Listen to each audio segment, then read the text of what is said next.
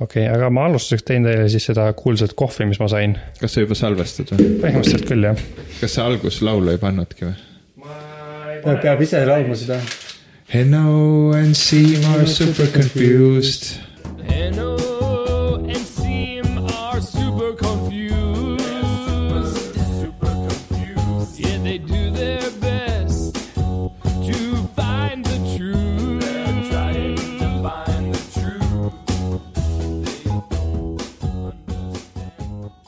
sihuke laul oli, ma mäletan küll, see mängib mul alati poolteist korda kiiremini kui normaalne, iga kord, kui ta kogemata ma kuulan kuskilt mujalt, siis ta tundub mulle hästi aeglane ja imelik. Mm.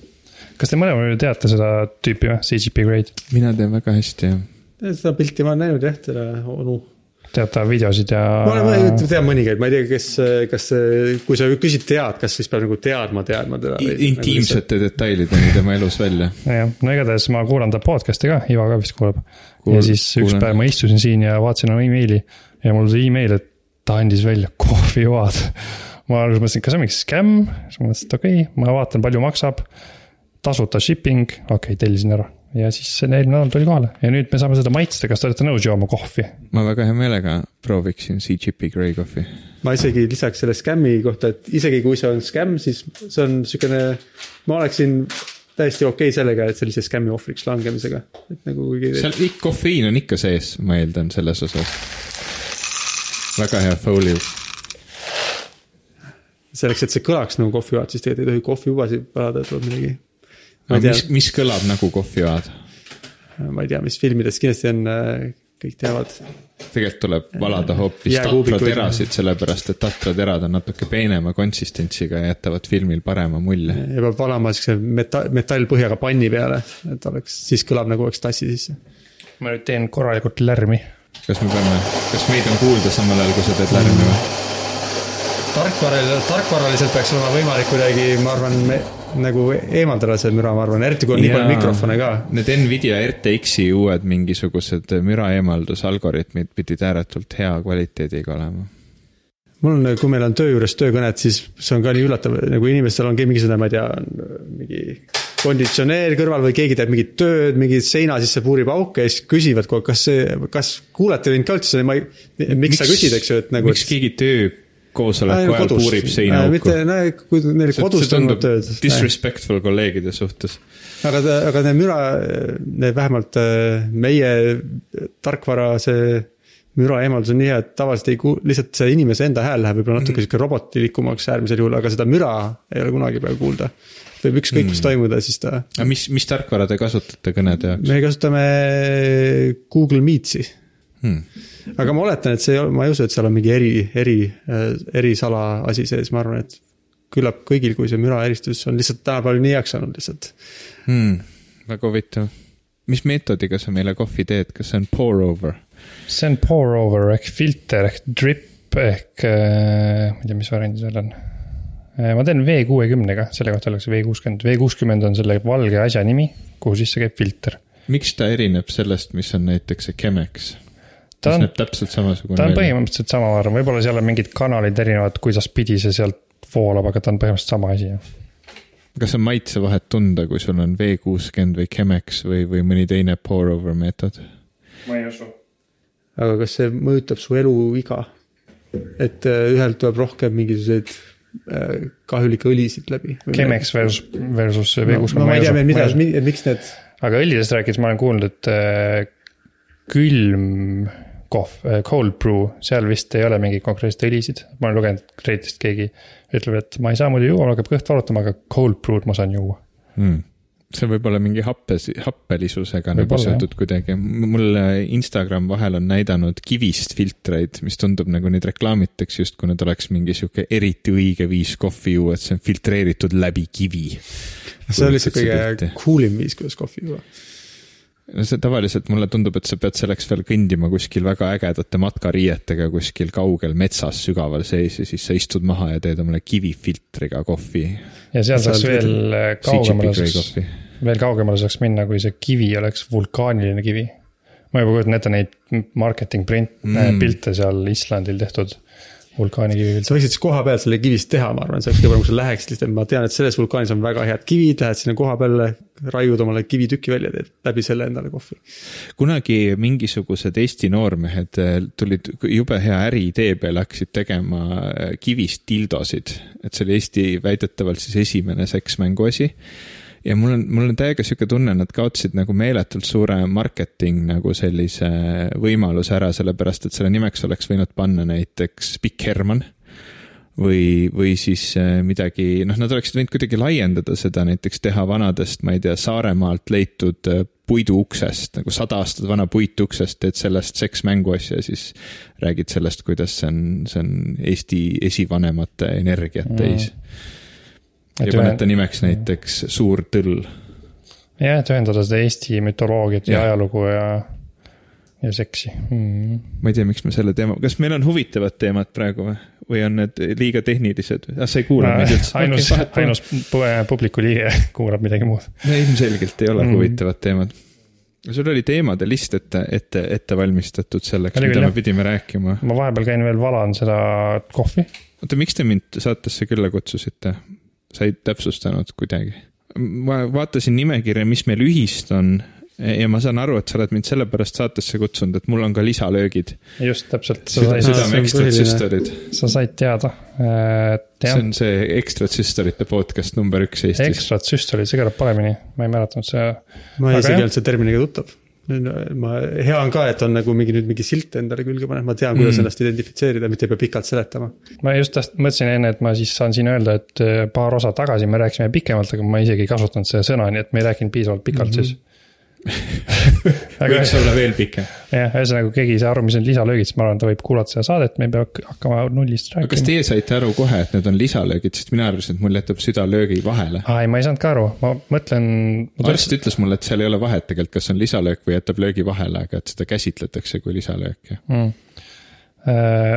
ma, ma ei saanud kohe aru, et see on lisalöök, et ma vist, ma lihtsalt tundsin, et see on nagu üks tugevam löök, sihuke tunne, et see on nagu nii tugev löök mm, -hmm. Mhm. et kuidagi imelik tunne. ja siis lõpuks, kui ma sain piisavalt advanced kella omale, siis ma sain mõõta ja ma sain aru, et oh, ma ei kujuta sa oled seda mõõtnud kuidagi Jaa. kellaga või? ja ma tükk aega üritasin ja ma ei saanud, just siis ei tulnud.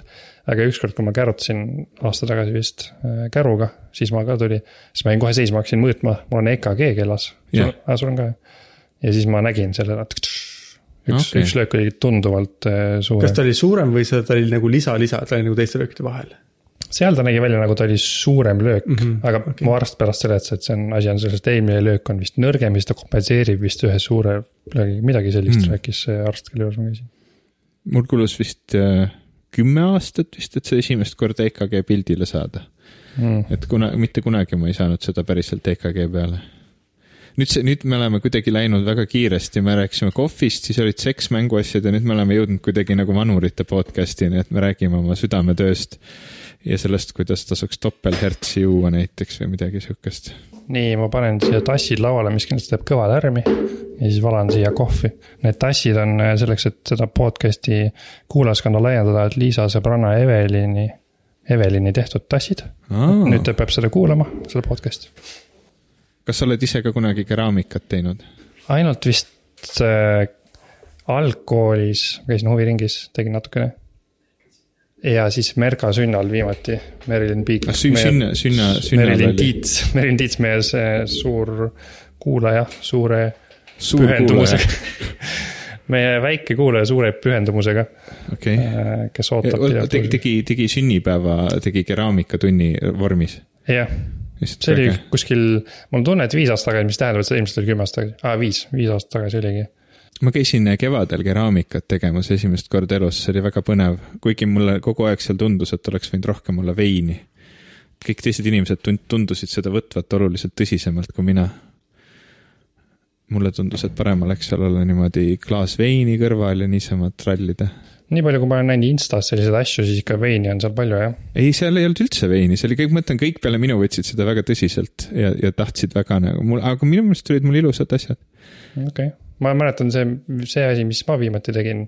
ma lootsin, et tuleb ilus ja lõpuks, kui ma nägin, siis see ei olnud üldse ilus. ah,. okei okay.. see tuleb, lootus, alati kui sa lähed alguses, on lootus, et tuleb ilus. aga ma tean, mis asi oli, asi on see, et äh, asi on selles, et mul ei olnud seda nagu filmides olnud, mida pole kunagi ise näinud. Seda keeravat alust Mm. mul ei olnud seda, mm.. ei antud. siis ei ole võimalik teha keraamikat. no see keerlev alus ilmselt teeb ikkagi väga palju lihtsamaks, sest ma ei ole seda kordagi kasutanud. nojah, aga seal oli, see, mida mina tegin, oli niimoodi, et sa põhimõtteliselt võtad nagu, et see, ma ei tea, võib-olla see on cheating, aga ma võtsin nagu kausi ja siis ma nagu, see, see tundus nagu mulle nagu, nagu taina rullimine, et rullid nagu siledaks selle tüki savi ja siis sa paned selle sileda tüki savi sinna kausi sisse ja teed uue kausi. Sa teed see- lihtsalt vanast kausist uue natuke väiksema kausi. okei, aga, aga lõpuks siis on, saavad kõik meie kausid ju nagu imeväikseks. kui, kui sa jätkad see ei ole seda jätkusuutlik kui sa jätkad seda protsessi, no lihtsalt see ei ole, ma tahaks öelda, et see ei ole lihtsalt jätkusuutlik niimoodi teha, see ei ole. see on ainult üks viis teha kausse minu meelest, see, see ei ole ainus aga ma arvan, me peame vähendama selle, selliste kausside osakaal võib olla kõigest kakskümmend protsenti., see on minu keraamikakursuse lõpptulemus, no siit Instast tundub päris hea on ju, mm.. täitsa siuksed nagu ilusad asjad. Jah. nii et ma Kas- soovitan väga minna keraamikakursustele okay., inimestel, see on mu esimene soovitus täna. Nii nüüd saame teada, kas teine soovitus on CGP Grey kohv või see on veel kuum, ma ei julge juua seda. kas sa ei pane oma kohvi sisse kaerapiima? ma ei pane, aga ma ostsin eile sulle kaerapiima, nii et Aitäh. Aitäh. ma saan sulle panna. ma kõigepealt võib-olla peaksin viisakusest proovima ilma millegita, no proovi jah, aga see on kuum veel, ma ei Okei. julge. Siim juba puhub oota, aga miks, miks te kutsusite mind siia? ähm,. no kõigepealt ma mõtlesin, et okei okay,, Siim tuleb Eestisse, teeks podcast'i, me oleme see aasta teinud kaks osa, ehk teeks kolmanda ka. ja ma ei mäleta, ma istusin siin laua taga ja ma lihtsalt mõtlesin, et huvitav, kas me siis teeme siin. siis ma võib-olla äkki selle laua kujust inspireerituna mõtlesin, et oh, võiks. ma näen välja nagu see laud. ma mõtlesin, et võiks kutsuda popkulturistid külla, siis ma ütlesin Liisale, kuule, võiks pop, kutsuda popkulturistid külla mm. -hmm. Liisa ütles, et ei saa, et ja, ja kutsu, siis ei saa, Jim on välismaal. ja siis äh, ma mõtlesin, et noh, kutsume siis. leppisite minuga? jah, kutsume mm -hmm. nii palju popkulturiste, kui kohale tuleb. okei okay,, mõistlik. aga te Jimile saatsite kutse ikka Ma- ka või nüüd ta tunneb ennast välja ta jäetuna? ilmselt tunneb ennast välja, et ma ei, isegi ei kutsunud teda, sest ma teadsin, et ta on liiga kaugel. okei okay., vabandust, Jim. järgmine kord, aga ma ostsin küll sellise salvestaja, kus on ainult kolm line-in'i, nii et järgmine kord tuleb ainult Jim. okei okay,, see on ka, meid võib ka jah tõesti niimoodi nagu ühekaupa kutsuda mm,, see on ka okei okay,. võib-olla neli ongi liiga suur seltskond, ma ei tea. ma, ma pole nii hea podcast'i juht, et ma suudaks hallata nagu nelja kõnelejat korraga. Me räägime ka mõlemad väga palju selles suhtes mm.. nii et ma nägin seda lauda ja ma kutsusin, kutsusin okay. küll. ma vaatan, ma, sa oled teinud hästi toreda nimekirja, et mis meil ühist on, see lisalöögid oli sada protsenti järgmine tege-, tegevus, mis siin on kirjas, on muusika loomise huvi. ja siin on arvutatud kaheksakümne protsendi peale mm. -hmm. ja ma ei, ma ei tea, kuidas sa seda arvutasid. no mm, minu kas on, teada kas, see on igaühel meist on kaheksakümmend protsenti muusika loomise huvi või see on kuidagi kaalutud keskmine? See oli sihuke äh, tunde järgi kaalutud keskmine. sest ma tean, et Ivo tegi see aasta põhimõtteliselt albumi täis lugusid. see on nüüd vähemalt sada protsenti huvi, ma ütleksin. jah, see on sada protsenti huvi. ma ei ütleks, et see on sada protsenti huvi no see pole veel ma avalik tegin, ma tegin seda nagu kõrvaltegevusena, et kui see oleks sada, siis ma nagu, ma tunnen, et siis ma peaksin nagu ikkagi, kui oleks sada protsenti muusika huvi, see peaks mu nagu põhitöö olema. ah,. ma arvan, et asi on selles, ma võtsin sada protsenti meie kontekstis. et sa oled see tipp okay, okay. nagu ja siis mina, mina ja Siim oleme kuskil seal nagu alumise viiendiku sees. sest mina ei ole põhimõtteliselt ühtegi lugu teinud see aasta, ma olen ainult ostnud asju, millega ma saaks teha lugusid. see potentsiaal on meeletu. jah, poten-, nüüd viimase nädal, nädalaga see potentsiaal kasvas üüratuks. ja mina näiteks, ei, ma ei ole ostnud mingeid asju, aga ma olen väga palju mõelnud, et ma tahaksin teha lugusid. okei. mida, mis sa täpsemalt mõelnud oled ei no siis? lihtsalt, et ma tahaks väga teha lugusid, et, et kuidas ikka nii hea oleks teha lugusid. okei okay., sa oled siis, see on palju parem, sellepärast et minul on tihtilugu hoopis see mõte, et ma tahaks õudselt osta muusika tegemise asju, et see on mm. nagu see peamine tahe. ei, see on ka, aga seda ma suutnud nagu rohkem vagusi hoida, et ma ikka olen vaadanud mitu korda küll, et kus, ah, eks see oleks päris lahe. aga see- ma ei ole ostnud, ei ole midagi, aga sa ostsid Aga uue mikrofoni, aga see oli millegi muu jaoks või? äh, nojah, ma ei tea, mille jaoks see oli mm.. see oli natuke võib-olla, aga Okei. mitte muusika, see ei ole vist nii väga muusikamikrofon, see on rohkem sihuke jutustamise mikrofon. Ma kunagi kinksin sulle midi controller'i siukse hästi mm -hmm. pisikese ja siis Amazon kogemata saatis kaks tükki. ja siis ma võtsin ühe endale ja siis mul see läks nüüd see aasta katki ja siis sellest ajendatuna ma ostsin uue. okei, mis sa ostsid omale? ma ostsin äh, Arturia, on Arturia see yeah., Arturia Keystep kolmkümmend seitse. okei okay., aga mis sa veel sinna, sa ütlesid, et sa tellisid terve hulga asju. no põhimõtteliselt selle abil ma saan, mis mul siin laual nüüd on, kuhu me sisse räägime, ma saan äh, laulda paremini mm. -hmm. No ma ei tea, kas sa paremini saad laulda, aga sa saad salvestada seda, kuidas sa laulad paremini. jah, sest enne mul oli USB mikrofon, siis ma ei saanud kuulata samal ajal, kui ma laulsin, sest see oli delay'ga ja siis ma, aju läks sassi.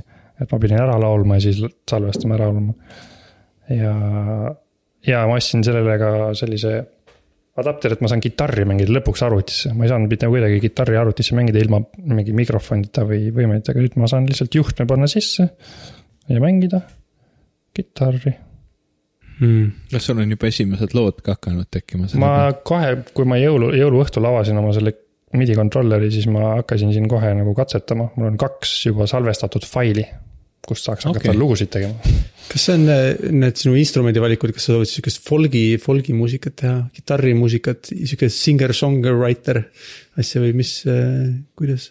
Hmm, või sa kavatsed seda väga palju töödelda, et see tuleb siukene väga Ei, ma industriaalne kitarr ma töötlen palju, ma arvan, aga mulle üldiselt meeldivad siuksed džässilikud kõlad, elektriklaveri tavaliselt valin, kui ma hakkan mängima klaverit, siis ma alati valen mingi elektriklaveri. ja mingeid džässakorde proovin mängida, aga. sa pead tegema selliseid lugusid, mis sobivad sotsiaalmeediasse. hmm.. aga siis, see vist seda saab nagu Reelsile taha panna, mulle tundub, et see Aa, on jaa,, see peaks olema sihuke- see nagu põhi nagu line. põhimõtteliselt low-fi hip-hop džäss. ei no oleneb, seal võib, sa võid ka tantsuloo teha. Aga milleks peab tegema, et sobiks sotsiaalmeediasse, et nagu see on, kas see on, et siis on et. levi-, levitatav, siis okay. inimesed kuulevad ka, mida sa teed. su mikrofon vajub ära. no näete, see on see odav, see on siis see odav mi- mikrofoni stand, mitte see uus, mis ma ostsin. kas see oli odavam mikrofoni stand kui, kui see kohvi, mida me joome või oli, oli kohvi kallim? see mikrofoni stand kindlasti odavam. okei, jah, aga me joome alles ainult osa sellest kohvist, seda küll jah, te ei joo seda. kui me kõik ära joome. Aga siin see kohvi, huvi kohvi vastu, see oli väga huvitavalt hinnatud, sellepärast et see järgmine äh,, ai siin on aa, okei okay,, siin on veel ronimishuvi ka, sellest me jõuame veel võib-olla rääkida, see on viisteist protsenti. Mhm. ja suhe kohviga ei kattu meil, et see, selle, see suhe kohviga ei ole meil ühine. kuidas sa seda arvestasid? Mulle tundus, et mul, see mul ei ole või kas, oota, kellel meist ei ole huvi kohvi vastu? no mulle tundub, et minul on metsik huvi kohvi vastu, ma joon seda kogu aeg. Ükskord ma, kaks aastat tagasi ma tegin kuuajalise pausi vist, siis ma ei joonud. Siim, ma tean, sageli räägib sellest, et ta üritab sellest loobuda. ja Ivo, suurem osa ajast, kui ma sind olen teadnud, siis sa ei ole joonud kohvi. mm. -hmm. et selline, et minu arust on üsna erinevad, aga kuidas praegu, mis seis praegu on? mina joon endiselt, ma hakkasin aasta alguses hullult jooma kohvi või niimoodi ma, ma üritasin, see on, mul on seotud see nende samade südame lisalöökidega, et kui ma joon rohkem kohvi, siis ma olen rohkem ärevil või, või keha on rohkem sihukeses nagu pingeseisundis. ja siis neid tekib tihedamini, nii et ma püüan vältida kohvi, aga samas kohvi maitseb mulle ja kohvi on hea ja annab, annab sihukese tunde, nagu ma olen ärkvel. nii et ma ikkagi joon kohvi.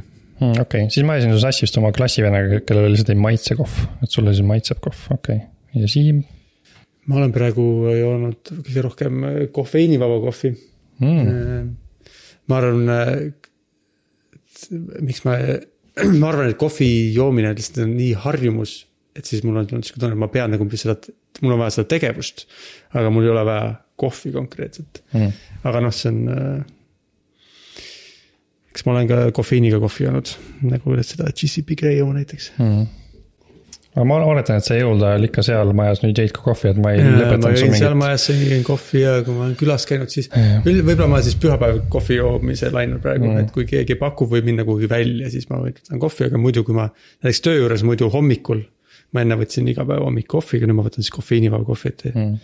Võib-olla Aga ka aga osalt ka seesama südame, see need, mis see termin oli? ekstra süstolid. eks, eks, ekstra süstorite kontrolli all hoidmiseks on osas, aga ta teinekord ka mul hakkab pea valutama ja niimoodi, kui.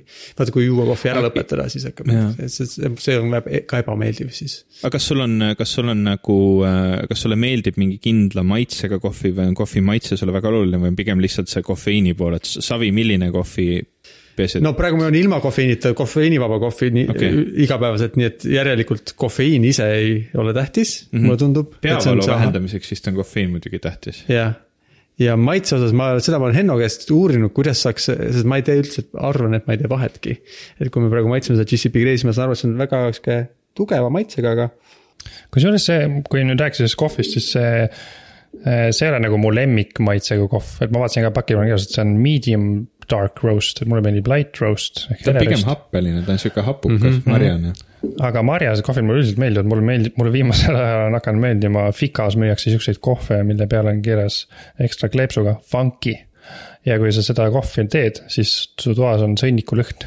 see ei kõla hästi see ei kõla hästi, aga see maitseb huvitavalt, ta ei maitse nagu sõnnik, ta maitseb huvitavalt. et praegu ma olen ära harjunud selliste eriliste maitsetega, kus nad on vist kuidagi. Esiteks on need Etioopia oad vist ja siis on vist see protsess, kuidas neid eh, kuivatatakse, on vist kuidagi teistsugune. aga no üldiselt see jah, aga see on ka hea kohv, siis ma ütleks, et see on sihuke okei okay, hea kohv, Grey kohv. kuidas teised inimesed, kes on sinuga samas ruumis arv- äh,, kas neil on mingi arvamus sellest sõnniku aromast, kui sa, sina saad vähemalt juua seda kohvi, aga mm. mulle tundub, et see ei häiri eriti inimesi, Liisa vist ükskord kommenteeris ka, et see lõhnab äh, sedasi. Ja kunagi ammu-ammu ma, ma ei mäleta, kas sa mäletad, mul oli. ma panin podcast'i siukse lõigu, kus me Taaviga maitsesime kohvi siinsamas mm. -hmm. ja siis, siis ei olnud väga tugeva sõnniku lõhnaga kohv, aga siis Taavi ütles ka, et see mõtleb nagu sõnnik. aga see ei häiri õnneks kedagi. ja CGP Grey kohvi ei, ei lõhna nagu sõnnik. ei, see lõhnab nagu kohv, no ta ise ütles ka, et see on. kas sa annaksid mulle piima natukene Jaa. kohvi sisse? ma nüüd olen ta ära, ära maitsnud sellisena, nagu ta on. Aga et päris aus olla, siis see muidugi ei ole piim, see on siis äh, kaerajook. seal on kirjas Kaera niimoodi, et see on press. kaera ju. ma keeldun, keeldun Ah, neid termineid niimoodi käsitlemast, et ma olen täiesti ikkagi, ma ütlen, ütlen, et vegan liha ja vegan juust ja, ja vegan piim. taimne piim. ma olen, ma olen seal Euroopas käinud, ma, ma, ma olen seal Euroopas käinud, ma võin nendega vaielda täiesti rahulikult ühel tasemel tund ja see on fine. mis ma olen siin- isegi Agrifish nõukogus käinud, kus need, kus need spetsiifilised reeglid kokku lepiti. mm.. sa oled seal oma arvamust ka avaldanud. ei, kedagi ei huvitanud. aga see on põhiliselt, kas see on sellepärast, et nagu kaitsta turgu ja niimoodi, et neil inimestel oleks nagu, et kaitsta olemasolevast yeah., olemasolevat tootmist suuresti yeah., sellepärast et liha tootmine on Euroopas või ütleme siis see mm, looma, looma äh, äh, loomakasvatus ja, ja looma, looma, loomse valgu siis nagu erinevad väljendused on hästi paljudele Euroopa Liidu riikidele ääretult olulised. et see on nagu see keskne aspekt, aga mulle maitseb see kohvi. või peaks ütlema kohv, ma ei teagi, kuidas see grammatiliselt korrektne on Kind,. kindlasti Kohv, kohv, kindlasti. mulle, mulle maitseb see kohv. sa võid, sa võid sekkuda küll, see on kõik okei okay.. iga kord, kui Ähm, keegi teeb kohvi, siis karju kohv, isegi kui on käendas. Sest äh, ma olen, ma olen nagu selles suhtes üllatunud, et kui, kui, kui ma mäletan õigesti CGP Grey enda suhet äh, kohviga, siis äh, ta oli, ta, tema nagu üldine lähenemine oli, et ta ei taha harjuda ära hea, hea nagu kvaliteetse maitsega kohviga, et tema tahab seda, et, et kohv, mida ta saab igapäevaselt kätte, on, on ka noh, nagu enam-vähem, et, et talle on aktsepteeritav põhimõtteliselt igalt poolt kättesaadav kohv hmm. ja, ja seetõttu ta ei taha nagu harjuda ära hea kohvi maitsega. et mul on hästi üllatav, et ta on andnud välja sellised nii-öelda enam-vähem selliste nagu käsitöökohvi hipsterite jaoks ube, et selle asemel, et mul, mulle tema, tema lähenemisena tunduks õigem nagu a la Starbucksi level nagu tootmine. just, ma olen ka kuulnud seda temalt, see on minu arust viimane asi, mis ta nagu kunagi rääkis, et ta lihtsalt läheb Starbucksi, ostab suure tassi kohvi ja või Pretti, Pretti või jah. Brett oli ka üks, see Aa, ah,, see oli see, Londonis, kes jah. nendest hot stoppereid pakuvad. mm? -hmm. ta elab muide Londonis, samas linnas mm., kus Siim. Kas Bretti kohvi on hea? ma ei usu, või no see, sa ei ole käinud? ma olen Bretist kindlasti kohvi joonud, aga ma ei tea neile kõigile vahet, see oli, kui ma hakkasin okei. selle kohvi kohta ütlema, siis minu jaoks nad, ma ei, ma eriti ei erista neid kohve.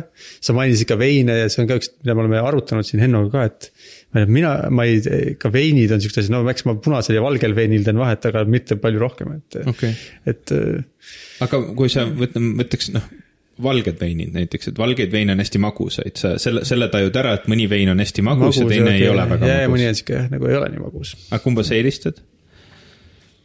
ma arvan natuke magusat, kui ikka okay., kui on kui täiesti siukene, ma ei tea, kas kuiv on õige termin või kui ei ole magus või see on midagi muud.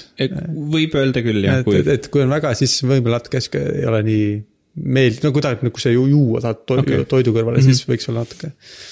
aga äh, kohvi, kohvi puhul on veel vähem jah, sest võib-olla ma ei ole kunagi head kohvi saanud.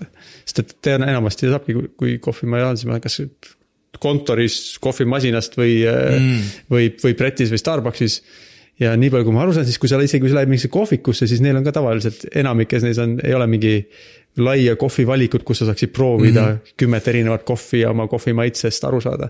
et siis peaks ikka tegema kohvikoolituse või kohvikursusele minema, et tõesti aga see on ju täitsa mingi nagu hull teema praegu, et, et ma isegi ei oska seda aastat täpselt öelda, aga Eestis on võib-olla niisuguse viimase viie aasta jooksul tekkinud hästi suur hulk äh, neid erinevaid äh, kohvikuid ja ka kohviröstikodasid, kelle nagu kogu see eesmärk ongi, et me teeme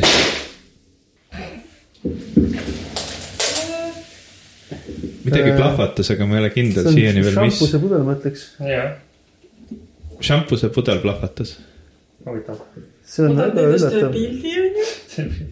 see tuleb saate märkmetesse saab panna pildi, et, et see Foley work siuksed veel. pildid tegete ka peale. äkki on Jossa teinud sahtlid kinni lahti, kinni lahti ja ta on saanud mingi raputustaseme saavutanud. ja nüüd ta siis ei pea pingel vastu mm.. Mul läks kohe täitsa mõttelõng sassi. see oli nii üllatav. röstikodadest. samas te rääkisite veinist on ju. ma ei mäleta, et me oleks veinist rääkinud. väga mainisime korra. ei, aga sa, sa, sa mainisid, et mina tõin veini, aga ma ei mäleta, et mina oleks veinist midagi rääkinud, ei aga. no see, see oli seoses selle. ja siis, et siis see vahvu vein plahvatab, et natuke on ju Tõsi. nagu. see on tõesti. Sa mainisid veini seoses selle keraamikaga, et võiks aa, veini. okei, õige. siis mul lihtsalt tuli. ma olen nii kaootiline. nüüd ka jah, ma ma- seletasin, kus see, miks ma viitasin varasemalt. ma olen nii kaootiline inimene, ma isegi ei mäleta, millest ma räägin. see on, see on, see on, see on meie see popkulturistide saate põhiline sisu, et me ise ka ei saa aru, miks ja millest me räägime. aga kuidagi tuleb ära täita saateaeg. aga millest tuleb täita ära saateaeg? kas, mis on, mis on popkulturistide eesmärk?, muidu pole mõtet saadet teha ju, kui sa ei täida saate eetriaega ära. seda küll, aga kui sa, kus sa, kuidas kuidas sa jõudsid selleni, et on vaja saadet teha? tahad sõbraga juttu ajada, vaata, selleks on vaja tavaliselt mingit põhjust ja siis sa, siis sa saad luua sellise stabiilse põhjuse. oota, tegite popkultuurist samal põhjusel nagu, mis nemad tegid oma või? võimalik, aga meil oli ka sama Tege,? tegelikult äh, see põhjus oli selles suhtes na- natukene erinev, et, et äh, ma tahtsin ka lihtsalt niisama, ma tahtsin podcast'i teha ja ma ei tundnud Jimmy. me ei olnud sõbrad siis, kui me alustasime popkulturistide saate tegemist. me olime tuttavad, ta oli, ta oli minu jaoks, ta oli Gea elukaaslane. nii et meie esimene saate salvestus oli esimest korda, kui me kahekesi istusime maha ja rääkisime pikemalt kui ma ei tea, mõni minut. aga miks sa just Jimmy valisid? ta tundus nagu inimene, kes võiks tahta ka saadet teha. Ma ei tea, lihtsalt nagu vaatasin näo järgi, et ta on selline inimene, kes võiks tahta podcast'i teha. ja oligi. ja ei, tuli kuidagi välja niimoodi, jah. aga nüüd me oleme läbi selle saate nagu sõpradeks saanud, et see oligi nagu huvitav, et, et see reaalselt, meil on, mei-, meie puhul on salvestatud esimene pikem vestlus, mis meil kunagi on olnud, see oli meie saate esimene osa. enne seda me ei olnud rääkinud rohkem kui sihuke tere ja Siim, kas te olete Hennoga ka lähedasemaks saanud? Sa tahad neid inimsuhteid ikka kuidagi õudselt siia sisse tuua, see ei ole, et me peame tagasi minema sellest tehnika kosmose ostmisest. teemad, kas äh, Henno, kas sa lennaksid kosmosesse? Siimuga. jah, ja seal äh, põhimõtteliselt küll jah. sest et ma nägin, et seda ei olnud meil vist ei olnud siin nimekiri, saate nimekirjas olnud, aga kosmose teemal on see Jaapani miljardär sponsoreerib seda äh, Dream Moon, Moon Dream, mingisugune selline projekt, kus ta viib äh, mitmed kunstiinimesed äh, ümber, ümber kuu lendama. ma sain sellest, kuulsin, sest et Everyday Astronaut Tim Todd väidetavalt läheb sellele ringreisile kaasa. et kas sa lendaksid ümber kuu SpaceXi äh, raketiga? ümber Kui sind kuu, ümber kuu on natuke teine asi kui lihtsalt kosmosesse, see on päris kauge. See on hea küsimus, ma, ma ei oska nii kohe nagu öelda, et kas ma teeks seda. orbiidile ma tuleks. aga ümber kuu, ma arvan, pärast mõ- mõningat mõtlemist ma tuleks küll ümber kuu ka jah. aga see muidugi oleneb natuke ajastusest, et millal see treeni, treenimine. kas lapsed praegu. peavad vaba minema ja. praegu ma ei läheks, ma arvan, mingi kümne aasta pärast võib-olla on mõeldavam. mm.. ma just mõtlen, et mis, mis see nagu noh, me räägime ju ikkagi lõpptulemusena A ohtlikust asjast ja B asjast, mis vajab meeletut ettevalmistust, et kas oleksid nõus selle, noh, ühest küljest nagu seda aega sinna sisse panema, et see kogu ettevalmistus ära teha, sest noh, ma, ma arvan, et kümne aastaga tundub hästi ebatõenäoline jõuda või noh, üldse arvestades neid kiirusi ja, ja, ja ütleme, jõude, mis kosmosesse sõitmisel täna ja, ja tõenäoliselt ka lähitulevikus vaja on, et see ettevalmistus, just see füüsiline ettevalmistus on üsna intensiivne ja teisest küljest nagu seda ohutaset tuua kümne aastaga, noh, alla niimoodi, et sa, et see oleks umbes samal tasemel kui nagu tavaline lennuk. noh, kas, kas sa tunned, et või noh, et, et kuhu, kuhu maani see ohutuse tase peaks jõudma selle, selle jaoks, et sa oleks nõus seda tegema? Hea küsimus, ma ei tea lihtsalt, ma ei tea, kui ohtlik see praegu on, mulle tundub, et SpaceX-i nagu kapslisse istuda ei ole väga ohtlik, kui ma sealt välja ei pea minema kuskil kuu peal. see kapsel võib-olla on üsnagi okei okay, jah, aga ümber äh. kuu on see, nad lendavad siis äh, kindlasti selle, mis on see suurema raketiga, eks ju, see, mis on terasest tehtud mm.. No, see, see, sellel on tunduvalt huvitavam. sa pead maa gravitatsioonist lahkuma kuidagi ja selleks on vaja hästi palju jõudu ja see, seda, see, seda jõudu sa koged, kui sa seal raketis oled. see on ikkagi jubedam osa jah, ma mäletan, kui ma vaatasin, ma ei mäleta, mis filmi, seda Ryan Goslingu filmi First Man vist. et seal ma vist kõige rohkem mõtlen selle peale, et äh, see tundub päris jube jah, see, kuidas sa istud selle kütusepaagi otsa sinna, väike inimene ja siis see rapub ja väriseb ja. mis sa mõtled sellele, et sul on kodus, eks ole, abikaasa, sul on kaks last ja. jah, ja see on see kõige keerulisem osa jah, et kas ma olen nõus sinna ikkagi sinna raketi peale istuma ja ja nagu. või isegi sisse istuma sisse jah, maa peale tagasitulek on ka vist üsna intensiivne. Äh, et jah, ma peaks mõtlema jah ma vist tegelikult isegi mõtlen, ma tegelikult ei taha, mulle ei meeldi eriti Ameerika mägedega näiteks ka sõita mulle ei meeldi üldse jah et võib-olla see oleks ka tegelikult natuke takistus. no aga see on nii, siis seal ei ole see, et sa saad kuu peale. jah, see ikkagi, kui sa näed maad ja kuud äh, nagu väljast, siis võib-olla see on midagi väärt. mul on nii kahju sellest raisku läinud vahuveinist, kas see oli hea vahuvein või? ma, ma ei lõhnas küll hästi jah, ta lõhnas hästi hmm. ma arvan, et ta oli hea, sest ta oli meile kingitud ja keegi mingit nagu jama üldiselt vist ei kingi, ma arvan mm. -hmm., nagu keskmisest kallim mm.. mul on ka kahju, jah. oleks ta siis aastavahetusel plahvatanud oleks mm. lõbusam.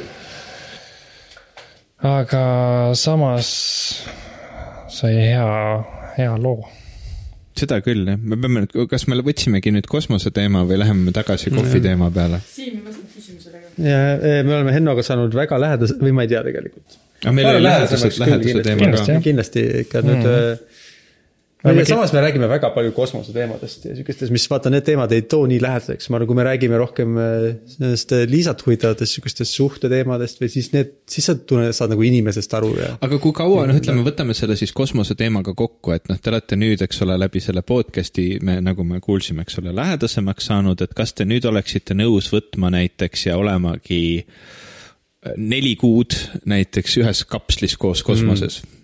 Või aasta või no ütleme neli kuud või, või, või te võite ka öelda, et mis see piir oleks, kus te nagu tõmbaksite, et, et sellest kau-, kau-, kau-, kauem enam ei tahaks koos olla?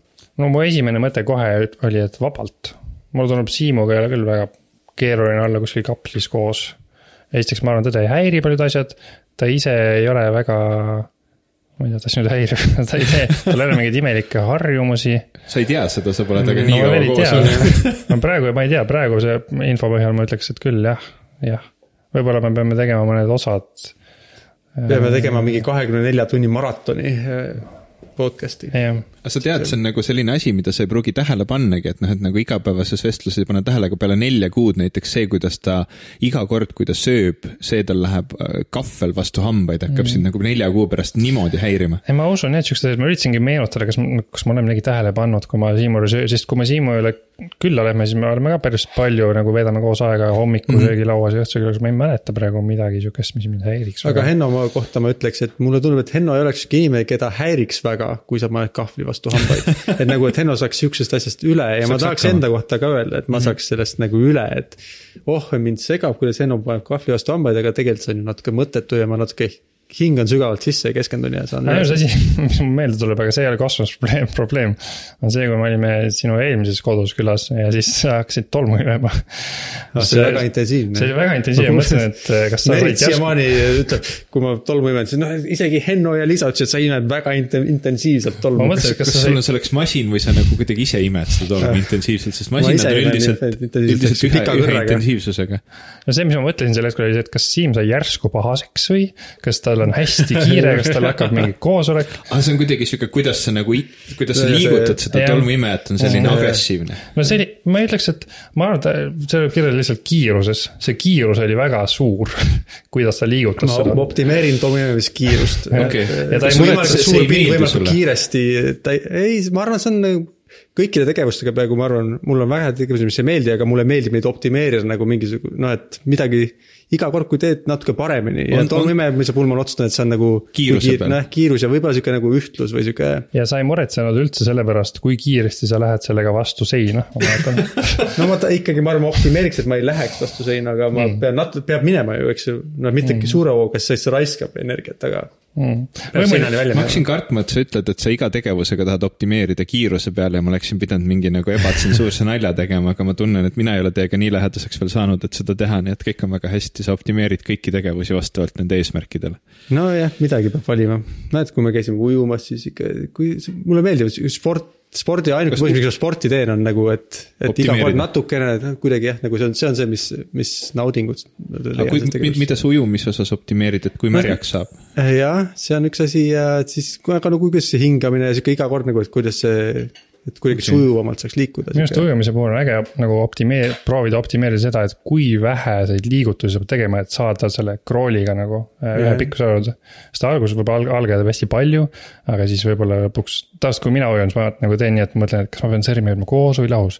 okei okay,, koos on vist parem, peab panen võimalikult sirgeks käe, et äkki mm. -hmm. aga kas teie saate aru, kuidas ujumises nagu toimub see, et, et ma, ma ei saa aru, kuidas, kuidas see nagu õige hingamine on, et kui, kui ma alustasin nagu, kui ma mäletan lapsepõlvest ujumist, siis ma nagu üritasin terve selle aja, kui ma, see on krooli ujumine mm -hmm. niimoodi, eks ole, nagu, nagu inimesed ujuvad, eks ole.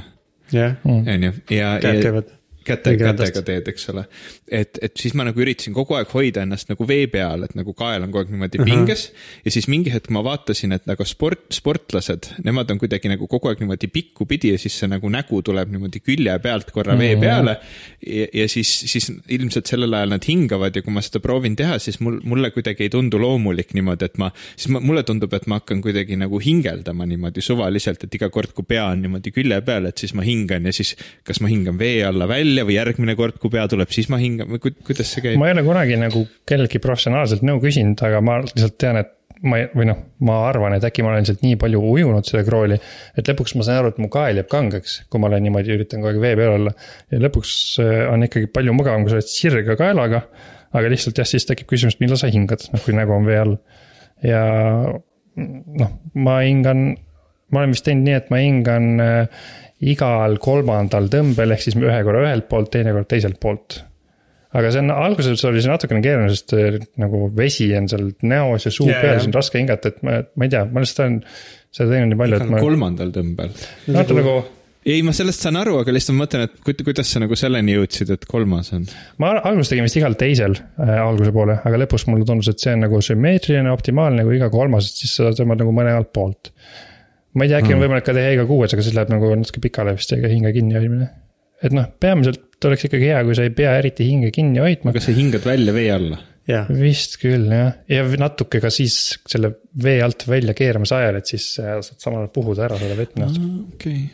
Aga ma pole väga ammu öelnud, et ma räägin ainult oma aga mälestust. see on täpselt sihuke asi, mida mulle meeldiks optimeerida, no ma ka ei, võib-olla ei tea täpselt, mis see vastus on, aga ma teeks algul, vesi läks ninna vastik, okei okay,, peab mm, -hmm. parem on, kui alus, alustada varem hingamist, aga täpselt siukseid asju. et muidu mõned inimesed teevad sporti mingi, et sa, neil on see mingi, saavad mingisuguse hea endorfiini või midagi siukest, mul sellist lõbu spordist ei ole, aga see, et nagu saad paremaks või sul on tunne, et ma natukene iga kord parandan oma, kuidas ma jooksen või hingan või tegevust. Ma olen vist rahul keskpärasusega mm., mul on nagu see, see tundub ka väga mõnus ausalt öeldes, ma olen viimasel ajal mõelnud selle peale et võiks olla rohkem rahul keskpärasusega. kas just keskpärasusega lihtsalt nagu, et mitte nagu võtta lihtsalt, ah, las, las asjad olla, nagu nad on mm.. ma arvan, et mind ka ei motiveeri see optimeerimine, et ka, aga mul see on nagu sihuke tore minigame, mida teha nagu, sihuke väike mäng, mida teha spordi Mhm. ajal. No muidu, Aa. kui sulle ei, ei meeldi mingi tegevus väga, nagu näiteks põrandatolmu imemine võib-olla ei paku mm -hmm. väga pinget iseenesest, aga siis, kui sa teed selle optimeerimise mängu sinna juurde, siis on nagu, siis ei ole nii kui vastumeelne. kiiresti ma suudan ära optim-, või noh, nagu ära, ära imeda selle no, selle või tolmu kui, võib-olla rohkem ma või sihuke võt-, vaata sihuke jaapanlik või ida perspektiivi, et sa nagu tunneks meisterlikkust selles tegevuses. et nagu, et võib-olla see ei pea olema ilmtingimata kiirus, aga sa tunned, et sa teed seda optimaalselt, sul on mida- nagu hea sihukene mõnus tunne seda tehes, sa nagu tunned, et sa kontrollid seda protsessi. see, mida muidugi Henno rääkis, ei tundunud sihuke idamaine ja selline nagu rahu otsimine, vaid pigem ma sain aru, et jäi mulje, et sa nagu vihastad seda mööda tuba ringi. aga ma tahtsin öelda, võib-olla ka ma olen seda nii palju mõelnud oma peas ja nagu meenutanud. iga, nagu me teame, siis iga meenutamisega mälu, mälus olev äh, info muutub. võib-olla see on võimenenud, võib-olla tegelikult mm see oli palju nagu leebem, äkki oli lihtsalt hästi-hästi vaikne ja siis järsku Siim hakkas enam-vähem normaalsel tempol ilmama tolmu, et see võib ka võimalik olla. Et tegelikult ta oli nagu zen munk, aga sinu peas on see juba samuraiks läinud. jah, võib-olla või siis ma olin selle protsessi väga alguses nagu okay., nagu valge vöö oli tolmuimeses mm. okei okay,, väga huvitav. mina, minu tolmuimemise optimeerimine oli selle Dysoni tolmuime ostmine, see tegi kõik lihtsamaks, ilusamaks mm.. sellest me vist ka rääkisime kunagi eh, podcast'is, kuidas me, kuidas ma ostsin selle. mul on Shark, ma olen alternatiivse tehnoloogia. Shark, on ka mingi firma, Okei. okay. sarnased, aga ma arvan, et tänapäeval see Dyson ei ole enam nii unikaalne, ma arvan, et nad on jälile saanud, milles nende trikk on. vähemalt ma olen märganud, et väga palju erinevaid soovitusi on peale Dysoni veel olemas. Dysoni suur probleem on see, mida ma ajapikku olen tajunud, et tal on kogu raskus käepidemes. see on ehk siis, kui, kui. see raskuskese oleks madalamal, nagu osadel tolmuimejatel on, siis oleks temaga kergem mm. Mhm. -hmm. aga noh, ta, see, see oleneb siis sellest kohast, et kas sul on nagu kergem see nii-öelda äh, ots, mida ringi liigutada ja tõsta, mis on nagu Dysonil, ehk siis sul raskus on käe juures. või siis sul on raskus kuskil madalamal ja siis sul on seda kerge üleval hoida, aga tolmuimejat ennast niimoodi ringi liigutada on raskem, et see on Mhm. nagu valiku koht. See on raske, ma mäletan alguses Dysonit kasutades hakkas see nimetissõrm valutama, sest Mhm. see vist oli nii raske. ja see on hea, siis sa ei taha väga kaua tolmu imeda, siis sa teed hästi kiiresti. hästi ruttu hakkad optimeerima kiiruse peale, Mhm. et käsi ei valutaks. jah, nüüd muidugi meil siin allkorrusel on lõpuks om- ometi kaasaegne robottolmuimeja. ehk siis me ei pea enam väga muretsema selle pärast, et siin oleks mingi tolmukiht, aga nüüd peab muretsema selle pärast, et ma pean koristama enne, kui ta hakkab tolmu imema. sest et Mm. mm. nagu näha, siin põrandal on palju takistusi. Ja kui ma tahan selle tolmuimeja panna tolmu imema, siis see on üsna keeruline. ma mõtlesin, et, et see on nüüd selline, et kuna tehnikast ei tohinud pikalt rääkida, sest see ei pidanud olema huvitav teema, siis see, käte valutamine, siis me saame minna tagasi selle ronimishuvi peale, mida sa hindasid viieteist protsendi peale. Mm -hmm. kuidas, kuidas sa selle välja arvutasid? no Siim on juba ammu käinud ronimas ja vist käib praegu ka ronimas. see tundub rohkem kui viisteist protsenti. no noh, see ongi siis. Siim on nagu seal nagu tipus okay., see on nagu vastupidi si- muusikaga, et Siim ronib palju mm. -hmm. meie ronime ülivähe. okei okay,, tõsi. sest ma nägin story't üleeile vist, et sa käisid ronimas, kas yeah. esimest korda? ja kõik käed valutavad, selle, sellepärast oligi hea ülemineku koht, kõik valutab praegu, reaalselt mul oli telefon ekraani lukku panna valus praegu. okei, ma nägin ka, kui ma su kohvi valasin, su käsi värises. ja ei, see, jah, ja mina Kõik- olen käinud kõik vist kaks korda ronimas, üks kord Siimuga Londonis ja teine kord ma käisin ronimisministeeriumis seal hipodroomi kandis, ma ei tea, kas see veel eksisteerib. aga ma tahaks veel, ma kavatsen elus veel käia sul on ronimas, siin kodu lähemal nüüd ka, kivi on ka. seal vist Kibis käiski. mina käisin ja mm -hmm. väga, väga julgeks soovitada või noh, tähendab, ma ei, ma ei oska võrrelda, aga seal sai ronida. mm.. ei, ma, ma olen käinud ka kivis, aga filmimas ronijat, ma ei ole seal ise ausalt roninud. Kas sul ei tekkinud tahet samal ajal, et nagu, et võtta mõni kaader ronides? ma vist ei mõelnud selle peale. see oleks väga professionaalne küll olla, eks. see oleks olnud jah, sihuke. ronija näeb seal vaevas ja siis sa ronid šš, üles lihtsalt ja ühe käega lipud ja filmid. ah,. jah, see tundub päris hea mõte ka, et ma ei tulnud selle peale.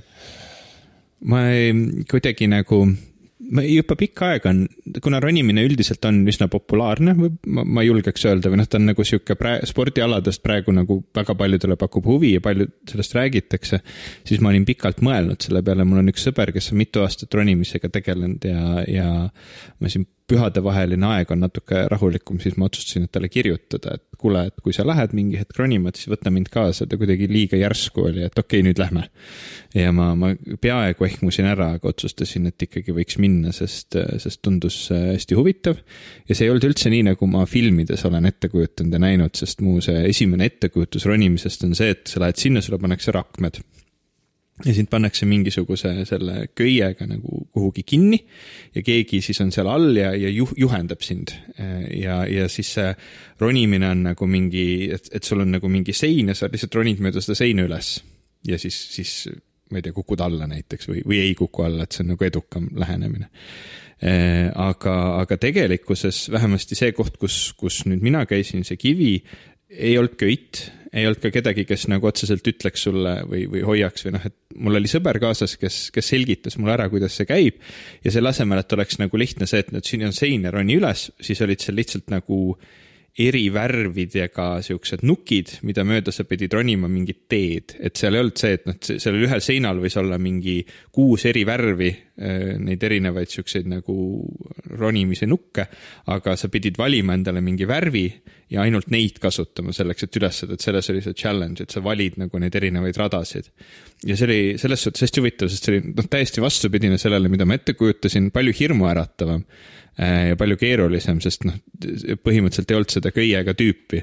Äh, esimest korda, kui ma, kui ma noh, nagu ronisin kuhugi poole peale mingile rajale ja, ja otsustasin, et okei okay,, et siit tundub okei okay alla hüpata, sest all on matt, siis ma vist venitasin oma kubeme ära või midagi sihukest väga ebameeldiv oli mm Äh, see on huvitav jah, et sa ütlesid see, et sul see kuvand sellest oli, et äh, köis, kõrge sein ja keegi hoiab kinni ja karjub midagi, et mul oli täpselt sama tunne. Ilmselt need filmid ei ole siis väga head tööd teinud selle spordiala nagu kuvandi tegemiseks, et kui ma Siimuga läksin, siis ma sain ka aru, et aa, see on hoopis selline, et sa lihtsalt lähed, lähed, oled seal saalis.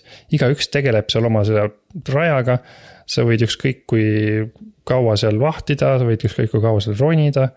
ja sa saad nagu rahulikult nagu teha oma seda asja, et see on hoopis teine, sest see köis ja kõrge sein, see on rohkem sihuke, et sa oled nagu pandud kuskile lavale ja sa nagu teed mingit äh, sõjaväekatset versus see, et sa lihtsalt äh, istud seal vahepeal seal mati peal ja siis mõtled, okei okay,, ma proovin uuesti. ja keegi nagu ei sega otseselt sind samal ajal. ma ei ole isegi ka kunagi köiega roninud mm. -hmm aga see on eri, erinev spordialad või? see on, see on bouldering on ju. see on nagu mingi spordironimine ja teine on bouldering jah. see, millest me räägime, on bouldering on ju. niisugune mm. nagu kuni ütleme kolm meetrit või niisugune, kus jah, et kukkumine on veel okei okay. mm ma ei tea, kas te pidite sellele kuhugi alla kirjutama, aga tavaliselt, kui ma lähen mingisse uude kohta, siis peab alati kirjutama alla, et ma tean, et ma võin surma saada, kui ma siin kukun ja. vist oli küll. mina ei mäleta, alla kirjutanud. kui me Liisaga käisime, kes on mu siis üheteistaastane tütar, siis ta pidi ka, või tegelikult ma pidin tema nimel alla kirjutama, aga siis ta luges ka enne selle läbi ja siis ta oli natuke mures, et kas ma saan nüüd, kus, miks sa kirjutad, et ma võin surma saada, et see. isa just kirjutas alla paberile, et ma võin surra, väga huvitav.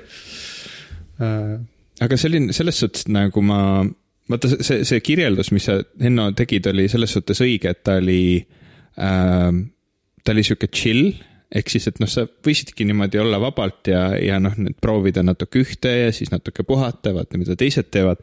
aga ma ütleks, et see nagu spordi pool ei olnud üldse chill, et noh, nagu ma olin vist kolm, kolm korda proovinud ronida mingit rada ja ma olin täiesti läbi mm.. noh, nagu see, see võtab nagu kuidagi üllatavalt palju energiat, et noh, kuidagi puu otsa ronimine tundub okei okay ja mitte väga palju energiat võttav. aga mingit rada nagu kolm korda järjest näiteks proovida ja jõuda kuhugi poole peale ja siis, ma ei tea, alla libiseda, mida mul paar korda juhtus äh, mul, mul on sõrmed ka kõik väga veel, veel valusad ja hellad. et, et see nagu, see võttis läbi et noh, ma, ma, ma olin, ma, ma ei ole nagu kõige treenitum inimene, aga ma olen suvest saati ikkagi nagu püüdnud sihuke kaks kuni kolm korda nädalas äh, käia jõusaalis ja, ja joosta ja, ja kõike muud. ja mul on nagu okei okay võhm, aga see oli nagu raske trenn mm., üllatavalt okei okay,, kuna ma käisin kolm aastat tagasi umbes viimati, siis ma ilmselt olen selle osa ära unustanud, kui raske see on ja lihtsalt mäletan seda, et kui tore see on. see sõltub ka võimest, sest ma arvan, et äh, kui mina käisin Kivis, ma olen ainult paar korda seal käinud, ma mäletan, mulle tundub, et seal olidki võrdlemisi rasked, võrreldes võib-olla mõne teise ronimisseinaga need keskmised, et. Äh, mina alustasin algusest, mul olid need rohelised kõik. nojah, aga lihtsalt see jah, mul lihtsalt, mul oli sihuke tunne, ma mäletan, et see oli nagu raske oli ronida sarnaseid asju, mida ma võib-olla mõnes teises kohas on võib-olla rohkem, mulle tundus, et kivis ei ole väga palju siukseid nagu lõbusaid, aga lihtsaid ronimisi, mis mõne, mõnes kohas võib-olla rohkem nii, et on sihuke juba huvitav, aga ei ole nagu füüsiliselt nii koormav, et seal võib-olla oli sihuke rohkem orienteeritud füüsilisele koormusele. ja esimesel korral muidugi jah, kõik need, mis need on. küünarvarres, ma pidin ka otsima, kuidas seda, seda, seda Jaa, osa käest kutsutakse. Need küünarvarre lihased, siis on saadud, need on siuksed asjad, mida sa muidu tavaliselt eriti milleks väga palju ei kasuta, aga ronimisel on nad suhteliselt olulised ja. Need on siis need lihased, mis tõmbavad äh, sõrmi kinni jah mm.. mul on tööl hästi raskesti käivad uksed mm., mul on nagu reaalselt raske uksi avada. vaata, see on mingi vanalinna vanad suured uksed siis Jah. mm.. aga peale seda minu arust, kui sa oled natuke aega käinud, ütleme, ma ei tea, mingi kümme korda või niimoodi ja sul see esimene nagu see, need lihased lähevad natuke tugevamaks, siis järsku minu meelest on päris palju ronimise asju, mis ei ole enam nii füüsilised, vaid on, siin on suht oluline komponent on sellised nagu nagu ma ütleksin, on nagu sihuke pusled, et sa nagu mm -hmm. kuidas, kuidas ma oma keha kas keeran ühele poole, teisele poole, ühe käega haaran milleski. et see on, muutub siukseks ka nagu vaimseks challenge'iks, mis, mis mulle just väga meeldib, ma ei ole ka eriti hea füüsilise ettevalmistusega, kui ma mõnikord näen, kuidas mõned inimesed seal ronimisvõimlas võtavad kätega lihtsalt üles ronivad, jalgasid ei kasuta, on ju, siis mm -hmm. see on sihuke asi, millest ma ei kujutaks ettegi, et ma võiks proovida. aga, aga mulle meeldib siis võib-olla tehnikale keskenduda jälle.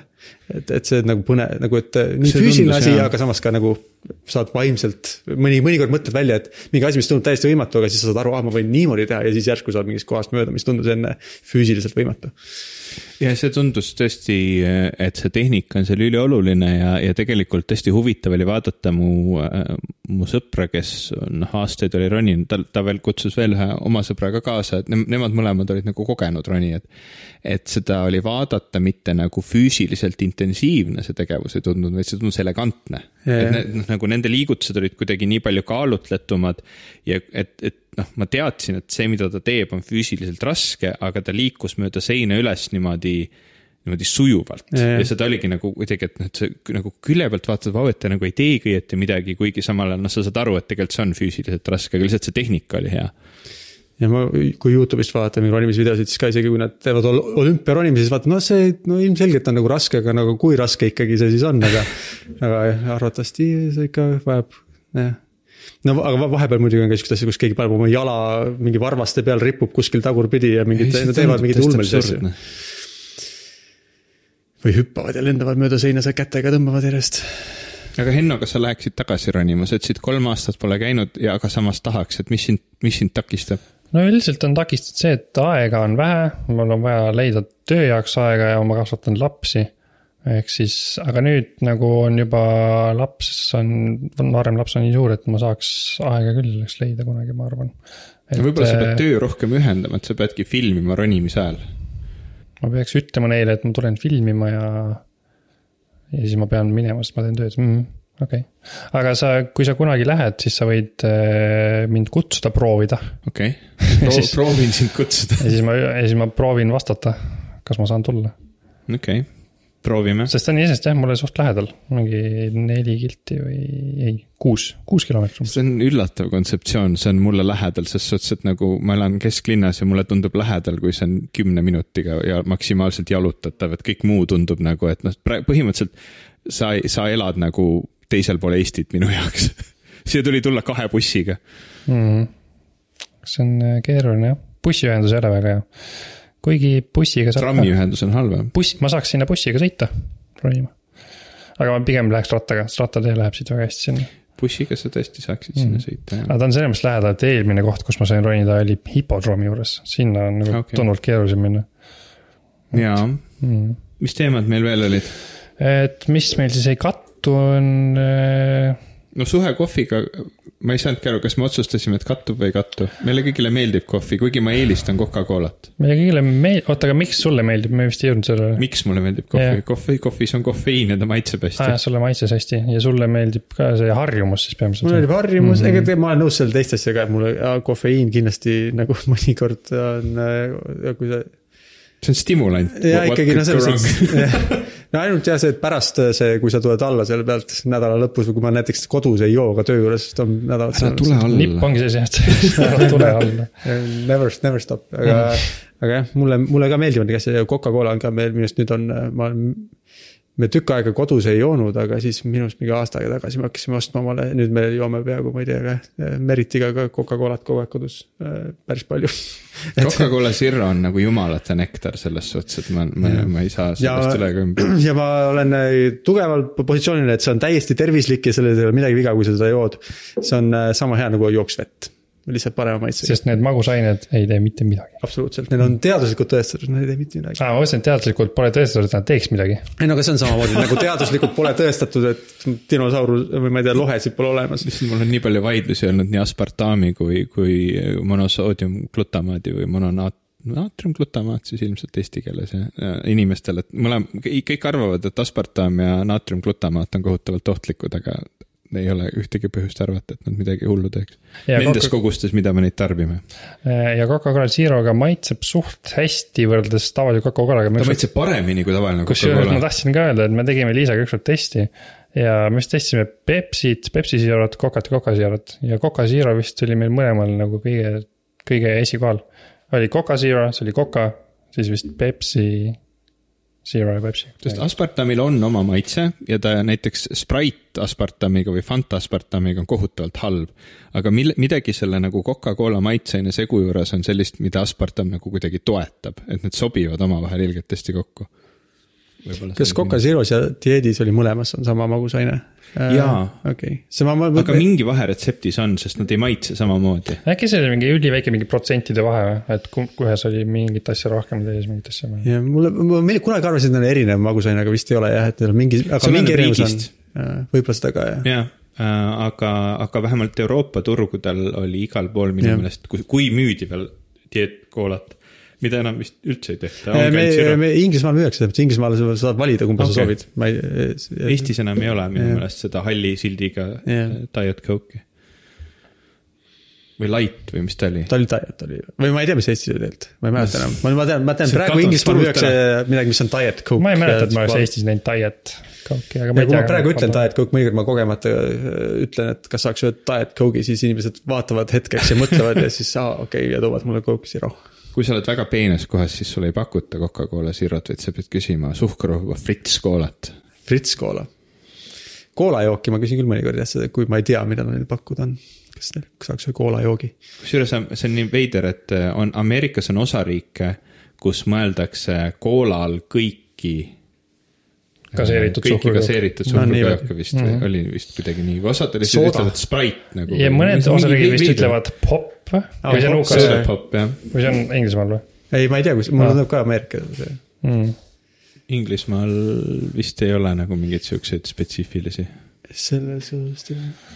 jah, nii et meile meeldib kohv ja koka mm. -hmm. aga meil on natuke erinevad suhted, lihtsalt erinevad me see, ainult suhted jah jah, selle joogi, nende jookidega mm. -hmm.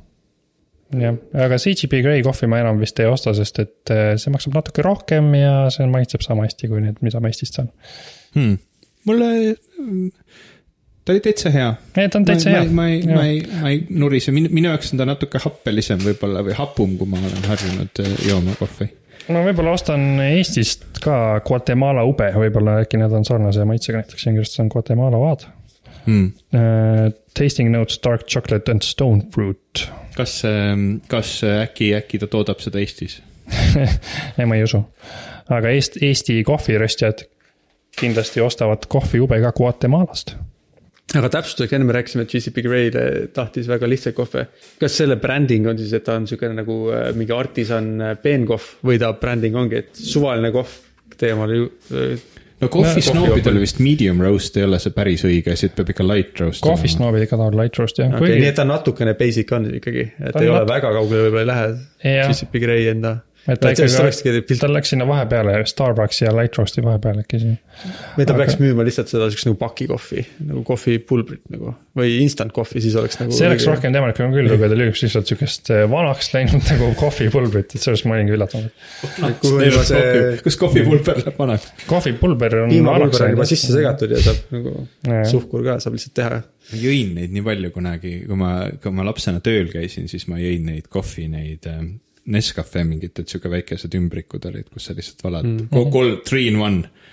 vesi peale ja nii mugav. täiega- vesi võiks ka juba sees olla. ma vahepeal küsin kü- Liisalt küsimuse, et kas keegi on küsinud meilt küsimusi Instagram story'st, mis sa panid? küsi meilt Jah. jah ja., sa pead mikrofoni juurde tulema, kui sa tahad küsida. sa tead seda ise ka. esimene küsimus on väga hea. lemmikplaneet. mm. ikka kosmose juurde. maa ma oleks ka maa, see tundub nagu nii, aga see on võib-olla natukene cheat imine jälle. ei ole. no aga selles mõttes, et nagu nagu kõikidest planeetidest see on no, nagu reaalselt no aga lihtsalt- obviously kõige parem. aga see on nagu sa valimistel valid iseennast. nojah, et lihtsalt see, ma arvan, see küsimuse, võib-olla küsimuse mõte on nagu, et me, planeet Vä- nagu väljaspool. vaatas, kui sa Mm. vaatad välja, siis milline planeet sulle meeldib. see on kui palju planeete me üldse teame, jah ähm,? Merkuur, Veenus, Maa, Mars, Jupiter, Saturn, Neptuun, Uraan. Kas Pluto ka läheb? Pluto ei ole planeet mm. ometigi aga, kas ta võib olla lemmik? aga see võib olla su lemmikplaneet ja lisaks ka igasugused on need, eks ju, need äh, Eksoplaneedid. eksoplaneedid jah, mingid trapist ümber ja mingid no ma ütleks vist ikka Saturn. ikka rõngas on nagu midagi erilist. kas see oli, Neptuun oli vist see, mis kunagi pidi olema nime, sa-, saama nime King George. Jah vist, jah. teoreetiliselt. oli küll vist sihuke lugu. Aga äkki ma ütlen siis Neptuun, Neptuun tundub huvitav, see ka gaashiiglane.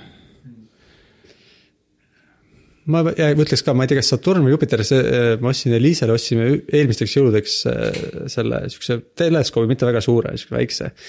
ja sellega eriti midagi näha ei nagu, nagu kui sa vaatad, nagu vaatad taevasse, vaatad läbi selle või vaatad otse nagu suurt mm -hmm. vahet ei ole mm. -hmm. aga Saturni ümber tundub, et on natuke näha, et on natuke lapergune okay., võib-olla natuke mm -hmm. näha neid no et ei näe otseselt. Ja Jupiteri ümber on näha neid kuusid, mis ta ümber näeb, see on päris cool, see on okay., see on mu lemmikasi, mida vaadata, siis ma ütleks, et Jupiter selle põhjusel, et ma saan okay. vaadata, et konkreetselt on näha, kuidas need neli kuud ümber ta seal sest Jupiteri näeb päris hästi palja silmaga ja, ja, ja. ta on kohe selgelt nagu suurem eks ju, sa saad aru, et see ei ole täht, see on nagu mingi, see ei ole nagu täpp, see on nagu väikene pallikene.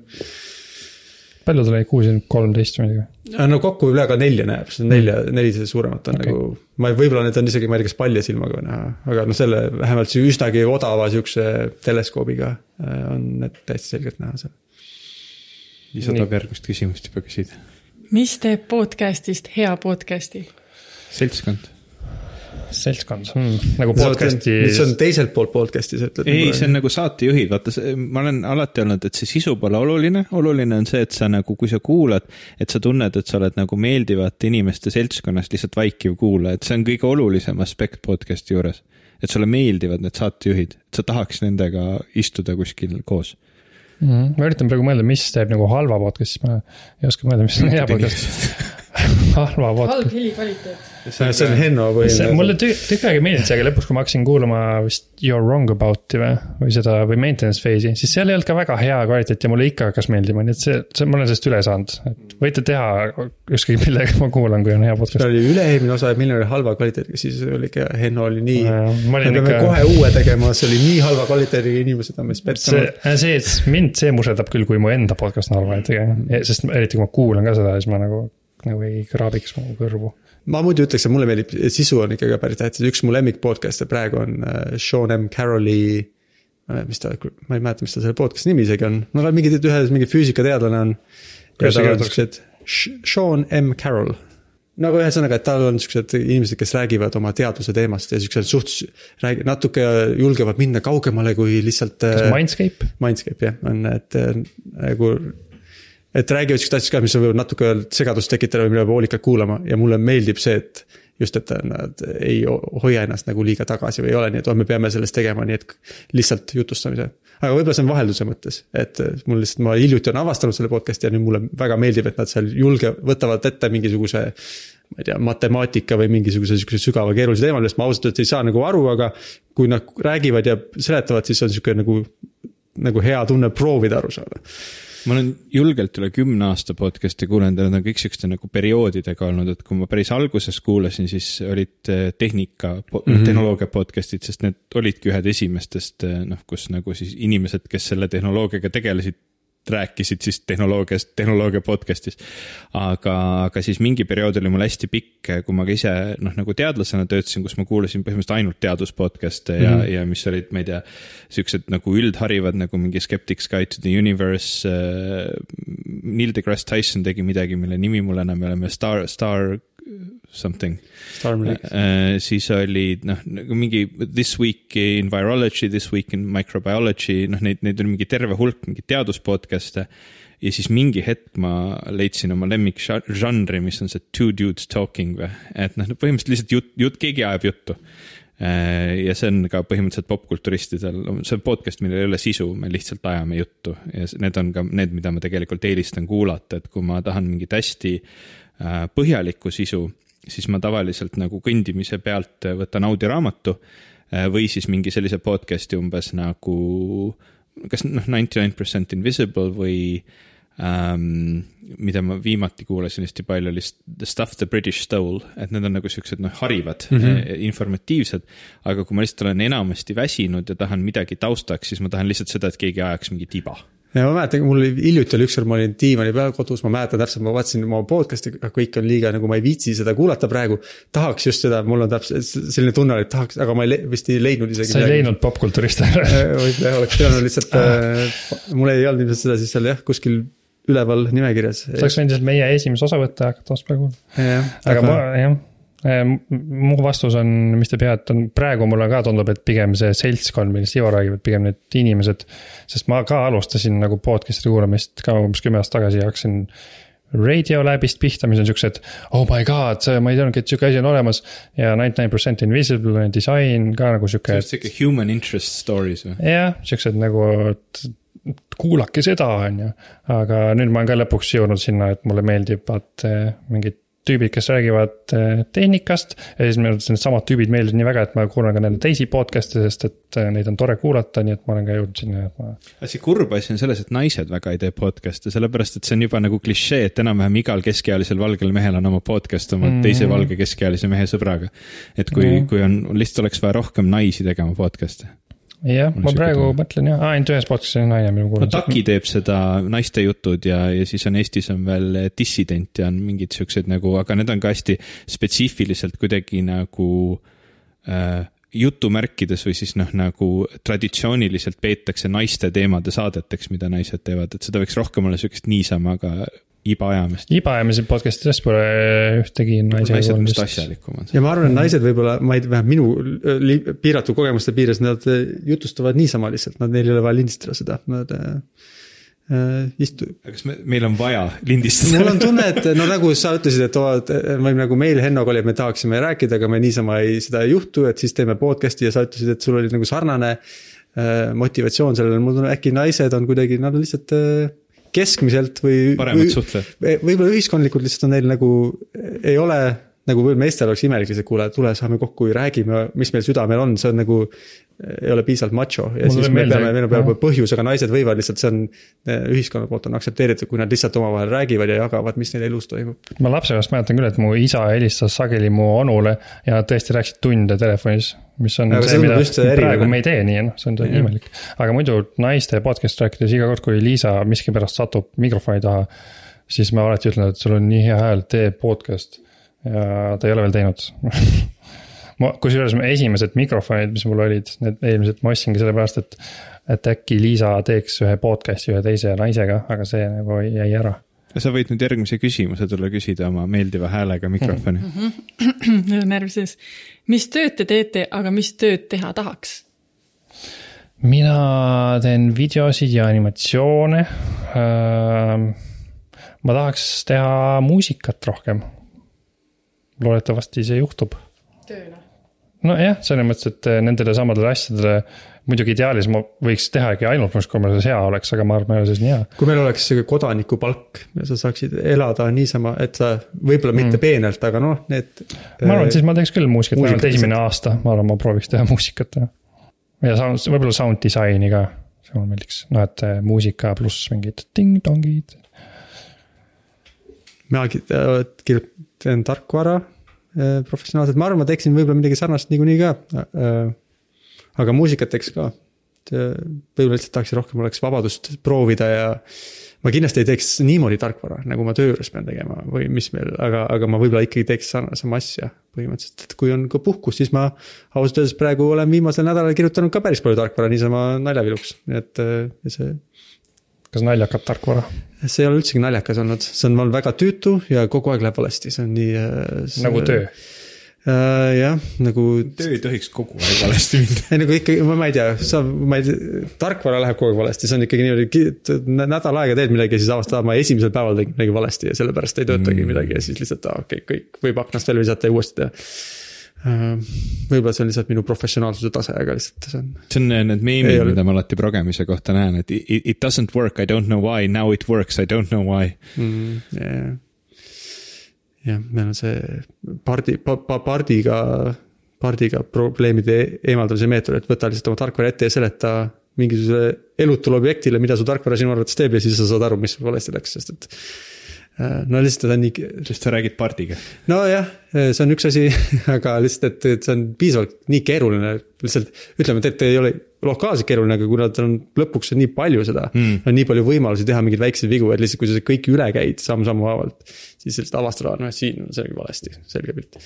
hmm.. mina aitan koordineerida Eesti rohepööret öö, oma, oma päevatööna. ma arvan, et ma tegeleksin nii, või noh, ma olen tegelenud keskkonnateemadega üle viieteist aasta vist nüüd juba ja, ja ametnikuna töötanud öö, varsti seitse aastat. ma arvan, et ma hoolimata ükskõik millisest muust kontekstist ka tegeleksin keskkonnateemadega, sest ma üldiselt olen ikkagi ka valinud tööna asjad, mida ma tahan teha ja ma arvan, et ma kõik need muud asjad seal kõrval, et ma nagu neid ei tahakski tööna teha, sest ma mingi hetk avastasin seda, et ma olen kõik oma hobid elust ära kaotanud, et üritanud kõik hobid kohustusteks teha. ja nüüd ma mõtlesin selle ümber, et see ei ole hea mõte tegelikult, et ma tahaks näiteks pildistada või, või muusikat teha või filmida või kõiki neid asju teha lihtsalt, sest need on toredad tegevused. et seal on nagu näiteks, kui töö hästi pingeliseks läheb, et siis mul oleks mingeid siukseid nagu muid asju ka teha, mis, mis ei ole nagu noh, mis ei ole nagu kohustused et need lihtsalt no ma, ma olen, ma olen, ma olen hästi suur töönarkomaan ühest küljest, et mulle meeldib hästi palju tunde tööd teha, sest see on põnev. aga teistpidi siis, kui mul läheb tööl hästi pingeliseks, kui ma hästi palju töötan, siis ma hakkan seal kõrval ka hästi palju kõrvaltegevusi tegema, mitte siis, et ma, ma teeks nagu kõrvaltegevusi rohkem, kui mul on äh, rohkem aega nendeks, vaid vastupidi, et siis ma nagu push in nagu veel, veel enam sinnapoole, et need ongi mul nagu pigem siuksed vajalikud tasakaalustajad pingelisteks perioodideks aga see roheli- või sihuke roheelu edasiviimine, see tundub, et sihuke eesmärgipõhine asi rohkem, et ma kujutan ette, selle käigus sa pead igasuguseid erinevaid asju tegema. nagu, nagu tegevusi on väga palju erinevaid, et kas need, kui palju nendest tegevustest on need, mis sulle meeldivad või kui palju need, need on lihtsalt vajalikud tegevused mu eesmärgi nimel. sest ma kujutan, muusika on nagu tegevus iseenesest on, ei ole nii, et ma tahan muusikat ka saavutada on jah? ja ei, noh, kui sa näiteks ähm, helidisain näiteks on minu jaoks pigem tüütu, aga ma tean inimesi, kelle kogu muusikukarjäär on ehitatud nende väga hea helidisaini peale näiteks, et ta on, ta, ta teeb ilgelt ägedaid helisi süntesaatoritega versus mina ei viitsi sellega mässata, ma otsin mingi valmis heli, mida ma tahan kasutada natukene võib-olla manipuleerin seda. ja ka näiteks äh, miksimine on kuigi ta nagu ühest küljest mulle meeldib, siis ta on nii palju jebimist, et noh, sa, sa nagu ühe asja saad paika, mis paneb kuidagi teise asja paigast ära, et nad, et tegelikult tahaks lihtsalt nagu loo valmis teha, selle asemel mm., et nagu nii Ja ta palju on, jebida iga detailiga. ja ta on, kui sa ei miksi korralikult, siis ta see ei kõla hästi ja ei Jah. ole endal hea tunne, aga ja. samas, et on nii palju nagu detaile, millega ja. ei tahaks tegeleda, nojah. ja noh, arranžeerimine muutub ka, et noh, näiteks looga, ma olen täheldanud, looga on hästi fun tegeleda äh, nagu mingi, mingi piirini aga see lugu ei ole siis veel valmis et, et see nagu selle arranžeeringu lõpuni viimine vahel vajab sellist noh, nagu mingit lisamotivatsiooni, et ikkagi ma, ma tahaks, et see lugu nagu lõpuks kõlaks hästi.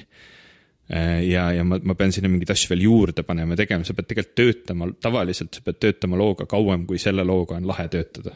et ühesõnaga kõige lõbusam oleks lihtsalt sahtlisse kirjutada siukseid nagu.... poolikuid lugusid jah ja,, jah. mida ma teengi enamus ajast mm. -hmm. see aasta on nagu olnudki selles mõttes erandlik, et ma olen nagu push inud lood lõpuni ja, ja kuna ma tahtsin see aasta ka kandideerida Eesti Laulule, et siis see oli ka nagu üks sihuke koht, kus ma tegelikult töötasin ühe loo kallal kaks kuud, mul oli nagu ilge kopp ees lõpuks sellest, aga, aga noh, see oligi, et noh, ma tahtsin, et selleks see lugu oleks nagu valmis Eesti Laul, me arutasime ka, me peaksime tegema, see on, kas sa seadsid selle juba ammu omale eesmärgiks või see oli? ja, ja ma tegelikult olen mitu aastat mõelnud, et tahaks mm -hmm. ja see aasta lihtsalt tundus nagu kuidagi, et mul oli seda inspiratsiooni ja mul nagu toimis ja et siis oli mõistlik ära teha. aga sa pead maksma muide Eesti Laulul osalemisel. kakskümmend eurot umbes või? sada. sada? kaks, kaks, sa pead maksma sada.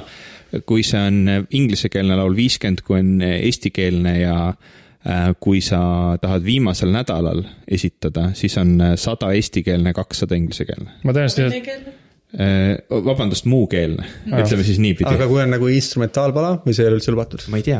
ma arvan, et see on viiskümmend, sest siis ei lisa sinna võõrkeelt. ma ei kujuta ette instrumentaallugu Eurovisioonil, sellepärast et Eurovisioonil on fono kasutus, ehk siis Eurovisioonil kõik peale no, äh, vokaali mikrofoni tuleb äh, fonolt mis tähendab seda, et kui seal on instrumentaallugu, siis sul ei ole esinejat. ega esineja võib lihtsalt tantsida. no ja... päris paljud bändid nagu. Eurovisioon ei ole tantsupidu ei no aga muusika tuleb ikkagi fanalt, eks. paljud bändid ju mängivad, et nad mängivad. no ei, seda küll, aga noh, et mul on no, sihuke tunne, et see diskvalifitseeriks sind. ma arvan, et sa ei saaks sisse instrumentaaliga, aga. aga esitada ilmselt saab, ma oletaks ma mõtlen, et sa, ma arvan, et sa ei saaks Eesti Laulule instrumentaalpalaga sisse nagu, et nad sind ei volitaks. minu, mina konkreetselt või sina jah, sa ei saaks. aga jah, me oleme ka rääkinud oma podcast'is iga aasta sellest, kuidas ma ei lähe Eesti Laulule. kas sellest tuleb meie uusaasta lubadus, et lähme järgmine aasta? väga hästi ajastatud, viimane küsimus on uusaasta lubadus mm uusaasta lubadus. ma mõtlen, kas, kas Henno on ka CGP Grey nagu usku inimene uusaasta lubaduse osas? ma tean, et need jah, neile ei meeldi uusaasta lubadus, vaid on aasta teema on see parem asi, aga no me võime. Harry ja Mikeni seal äh, dokumentaaris oli neil ka, aga kas on mingi UK asi? Äh, mis nad ütlesid siis selle kohta? et äh, selles mõttes anda uusaasta lubadus, siis äh, ütle mingi teema, märksõna, mis on sinu, mis on kas truth või mingi mm.. äkki nad on kuulanud CGP Grade. kindlasti on kuulanud mm.. võib-olla jah, aga no me võime siis mõelda ikkagi vanakooli mõttes uusaasta lubadust, eh, mida oleks tore täita. ma arvan, sa võid ka teema öelda.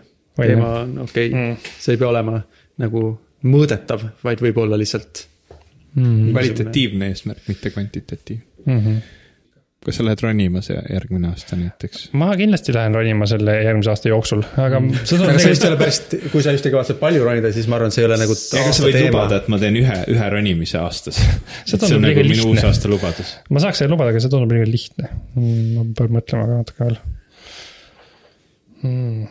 sa pole veel jõudnud mõelda sellel, selle aasta lõpus oma, oma lubaduste peale? ei ole jõudnud mõelda jah kaks päeva on veel aega, aga ma pean nüüd kohe otsustama. ja tavaliselt mul on alati, ma mõtlen, et peaks olema produktiivsem, aga see tundub nii juba, kui sa juba oled kümneid aastaid selle peale mõelnud ja ei ole. sa oled nii jõudnud. produktiivne juba, et, et noh, nagu enam rohkem ei saa. enam ei ole võimalik rohkem.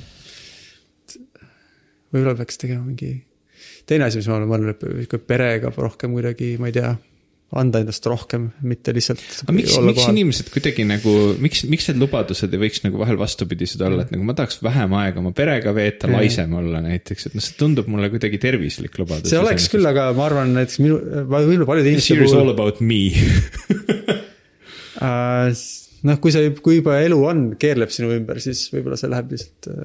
Ei noh, see this year's all about me tundub selles mõttes okei okay,, et kui sa hakkadki planeerima aega endale. nii et yeah. see oleks võimalikult vähe segav teistele.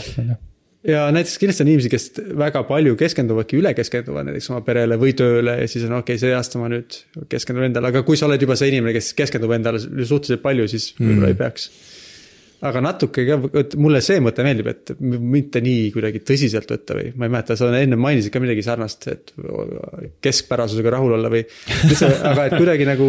ei, aga mitte isegi ilmtingimata keskpärasusega, sest see point oli sul õige, on inimesi, kes keskenduvad liiga palju perele näiteks, et elu on nagu mingis muus mõttes tasakaalust väljas, aga me kipume nagu alati pidama tasakaalu, kuid noh ütleme näiteks, kui me räägime work-life balance'ist, siis work-life balance'ist räägitakse alati kontekstis, et sa teed liiga palju tööd aga ma olen täiesti kindel, noh nagu, nagu, nagu enam kui kindel, ma reaalselt tean inimesi, kellel on see tagurpidi valesti. ehk siis nad nagu, nad keskenduvadki liiga palju näiteks oma pereelule, nende enda äh, mõttes nagu võib-olla isegi negatiivses mõttes. aga mis see täpsemalt ja... tähendab, et nad, kui ma ei tea, laps jääb bussist maha, siis äh, ma viin su ära sinna kahesaja kilomeetri kaugusel kohe autoga või mis? jah, noh näit-, näiteks või, või, või kus, kus on näit-, näiteks see on võib-olla nagu sihuke keeruline teema, millest mina kui mitte lapsi omav inimene ei tea mitte midagi. ja, ja ei peaks üldse kommenteerima, aga noh, ma, ma tean ka inimesi, kellel näiteks lapsed ei ole võimelised isaga olema üksi omaette, et noh, et nagu nende, sest ema on nii tihedas suhtluses kogu aeg nende lapse, lastega, et, et, et seal ei ole nagu ruumi väga sellel isal või siis ei ole isa poolt soovi, mis tundub nagu võib-olla tema sihuke uusaasta lubadus. ehk siis nagu kui, kui sul nagu on täielikult nagu sihuke dünaamika seal paigast ära, et sa oled hästi-hästi pere poole, et siis võib-olla su perel on isegi kasulikum, kui sa nagu noh, teed uusaasta lubaduse, et ma veedan vähem aega oma lastega. et su pere on nii harjunud sellega, et sa oled kogu aeg ja. olemas mm.. Ja sul, ja sul polegi aega, sest et kui sa ära nagu on. tasakaalust välja. noh, et sa annad ainult, aga ei saa kunagi midagi iseenda mm. jaoks ja siis ega sa kaua ei saa niimoodi elada või sul ei ole õnnelik elu ikkagi lõpuks niimoodi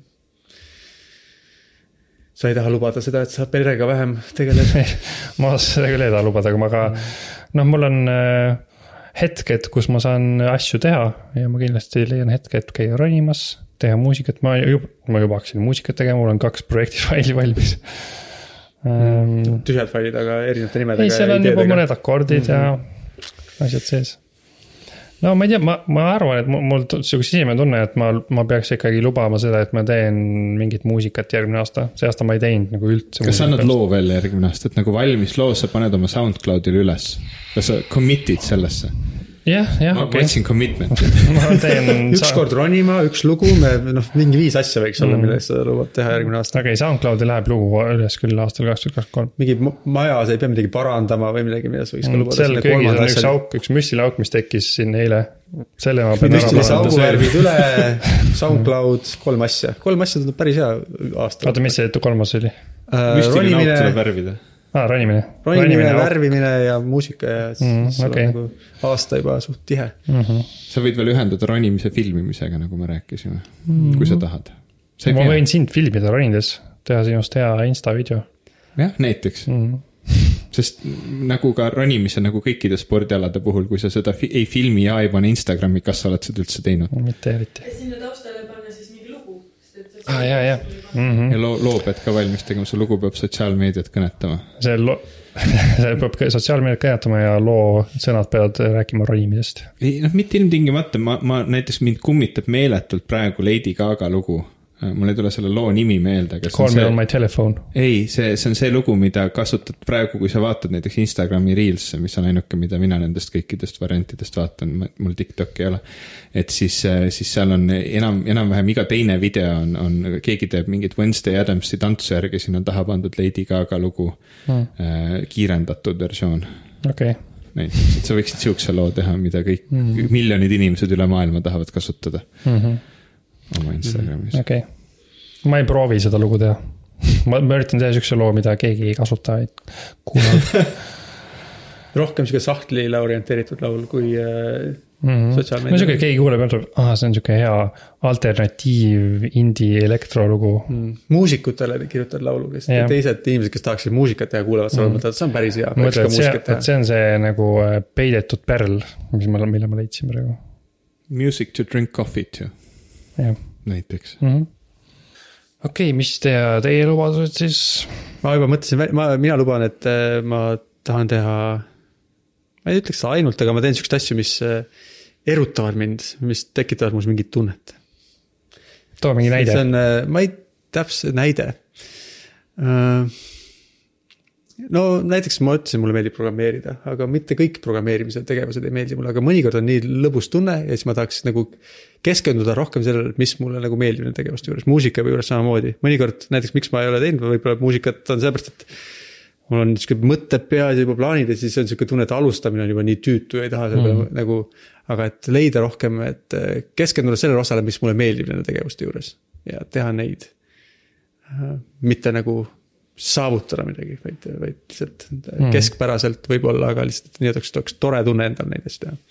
võib-olla perega samamoodi, teha asju, mis mulle meeldib perega teha. muusika puhul mul on alati sihuke tunne olnud, et on hea, kui on mingi õige pill lähedal.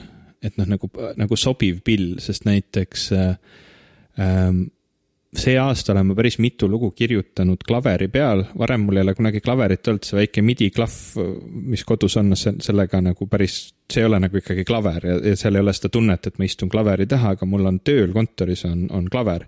ja ma olen seda niimoodi vabadel hetkedel seal lihtsalt mänginud ja sealt ma olen julgelt, noh, ma olen see aasta vist üksteist lugu kirjutanud ja, ja pooled nendest umbes on selle klaveri taga kirjutatud et see nagu lihtsalt, et sul on olemas mingi, mingi noh, sa ütled, et et teha muusikat nagu, teha neid aspekte muusika juures, mis, mida mm -hmm. sa Mhm. naudid, et, et siis nagu, et sa pane siis endale kuhugi lähedale või kättesaadavusse kohta see pool sellest muusika tegemist, mida sa naudid. jah.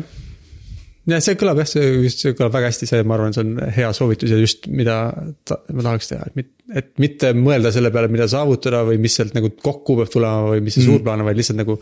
mida ma tahaks kohe just täpselt praegu teha muusikaga seoses, et tahaks istuda maha ja proovida lihtsalt mingeid akorde ja midagi. See on, see läheb kokku ka sellega, kuidas ma olen need kaks projekti faili saanud valmis, mul olid siin lihtsalt vedeles siin arvuti ja mu uus midi kontroller. ja ma siin äh, lapse toitmise ja temaga mängimise kõrvalt nagu natukene tegin midagi, mõtlesin, oh, see kõlab hästi. panen rekki ja noh, niimoodi saabki, et kui Mm. sa mõtled seda, et ma peaks minema võtma selle asja, millega hakata tegema muusikat, siis on jah keeruline teha. aga kui ta on sul kogu aeg, noh, kui ta on sul kättesaadav, jah, see on hea mõte.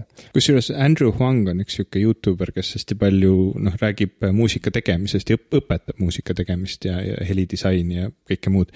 ja temal on üks päris hea video, ma vaatan, kas ma leian selle üles, saan, saan saata teile märkmetesse, kus ta õpetab, et kuidas võtta need ideefailid, noh nagu sa ütled, mingi projektifailid, kus on umbes äh, tihtilugu mingi äh, ma ei tea, kaheksataktiline loop. Neid, see on see tavaliselt see mõte, et sa istud maha ja sa, sa teed nagu kaheksa takti valmis, et mul on üks akordikäik, siis ma teen sinna taha trummid ja mingi bassikäigu ja niimoodi see fail jääb nagu jah, kolmeks aastaks, eks ole, seisma. või äkki on mingi üks salmi mõte on peas ja minul tihti on veel nii, et ma jõuan nagu esimese salmi ja refrääni valmis teha ja edasi ma ei jõua mitte kunagi mm.. et tal on üks video, kus ta õpetab, mida selliste, noh, kuidas se- sellised failid eh, lugudeks teha. Ja, ja see on hästi nagu kasulik iseenesest video. okei okay,, no pane see video kindlasti meile siis äh, kirja. see on väga põnev, et sa ei ütle praegu seda ühte lihtsat nippi, mis, mis võimaldab seda teha, et me peame ikkagi ma ei vaatama. mäleta, kas seal oligi mingi lihtne nipp ilmtingimata, vaid tal oli terve hulk erinevaid soovitusi, et noh, et oleneb, kuhu sa oled kinni jäänud näiteks mm.. okei okay., põnev. aga mul ei ole uusaasta lubadusi, ma ei, üldiselt enam ei tee neid.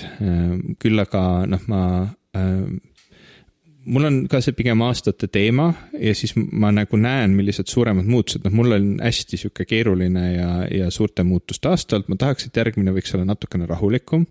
mis mul muutus selle aastaga on, et ma olen umbes seitsekümmend protsenti, kaheksakümmend protsenti vähem liha hakanud tarbima ja see muutus mulle on meeldinud, nii et ma püüan seda jätkata, võib-olla ma isegi äh, väl-, noh, võtan, võtan nagu liha söömise oma, oma üldisest dieedist täielikult välja, ma ei ole seda veel nagu niimoodi otsustanud et see ei ole nagu otseselt lubadus, vaid noh, see on nagu selline, et ma näen, et mu nagu toitumine on niisugune asi, millele ma tahaks see aasta rohkem keskenduda või, või tuleval aastal.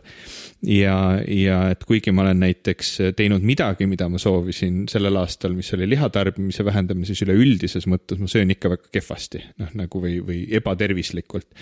peamiselt siis äh, hästi palju näksimist toidukordade vahel, hästi palju, ma ei tea, maiustusi, krõpsu, siukseid asju, mis ei ole tervisele suurtes kogustes just kõige kasulikumad, ma tahaksin ilmselt nagu nendest kuidagi kas loobuda või vähendada neid mingi suure protsendi oma elust. okei, et toitumine tundub nagu sihuke väga väga oluline pool ja ma tahan kindlasti jätkata uuel aastal selle nagu füüsilise tervise parandamisega. sest see on hästi naljakas olnud selle, selle aasta popkulturistide osade juures, et äh, viimases osas seda Jimiga nagu märkisime ära ka, et, et nagu mingi inimesed juba nagu kolmkümmend viis pluss oleme mõlemad ja, ja siis kuidagi nagu terve elu virisenud, ah vaimne tervis on kuidagi halb ja seda ja toda ja noh, terve elu on kõik on rääkinud justkui seda juttu, et. jah, et füüsiline ja vaimne tervis on seotud, et sa võiksid tegeleda oma füüsilise tervisega ja see kuidagi läheb niimoodi kõrvust mööda, nagu mm -hmm. sa üldse nagu noh, sa ei pane seda tähelegi. ja siis me oleme mõlemad lihtsalt kuidagi see aasta jõudnud selle, selle teadmiseni, et oh kuule, päriselt ka on nii, et kui sa nagu teed rohkem trenni, siis sul on parem olla. uskumatu, miks keegi ei öelnud enne ei proovinud seda. jah, et see ongi nagu selles suhtes kuidagi, et võib-olla see ongi mingi keskea kriisi teema, aga, aga seda tahaks siis nagu hoida, hoida nüüd edaspidi elus nagu olulisel kohal. üks lihtne nipp, kuidas vaimset tervist parandada, oli siis see. parandada füüsilist tervist. jah, Mhm. kindlasti see, et füüsilise tervisega tegelemine on, on selles suhtes väga, väga kasulik. Kas meie küsimused said otsa? vist küll jah, küsimused said otsa, tundub, et aeg on ka päris äh, kaugel juba.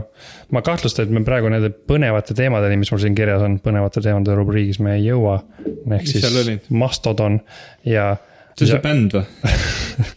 see on see uus äh, Twitteri asendus ja Jamiroquai räägib oma Virtual Insanity video tegemisest, sihuke video.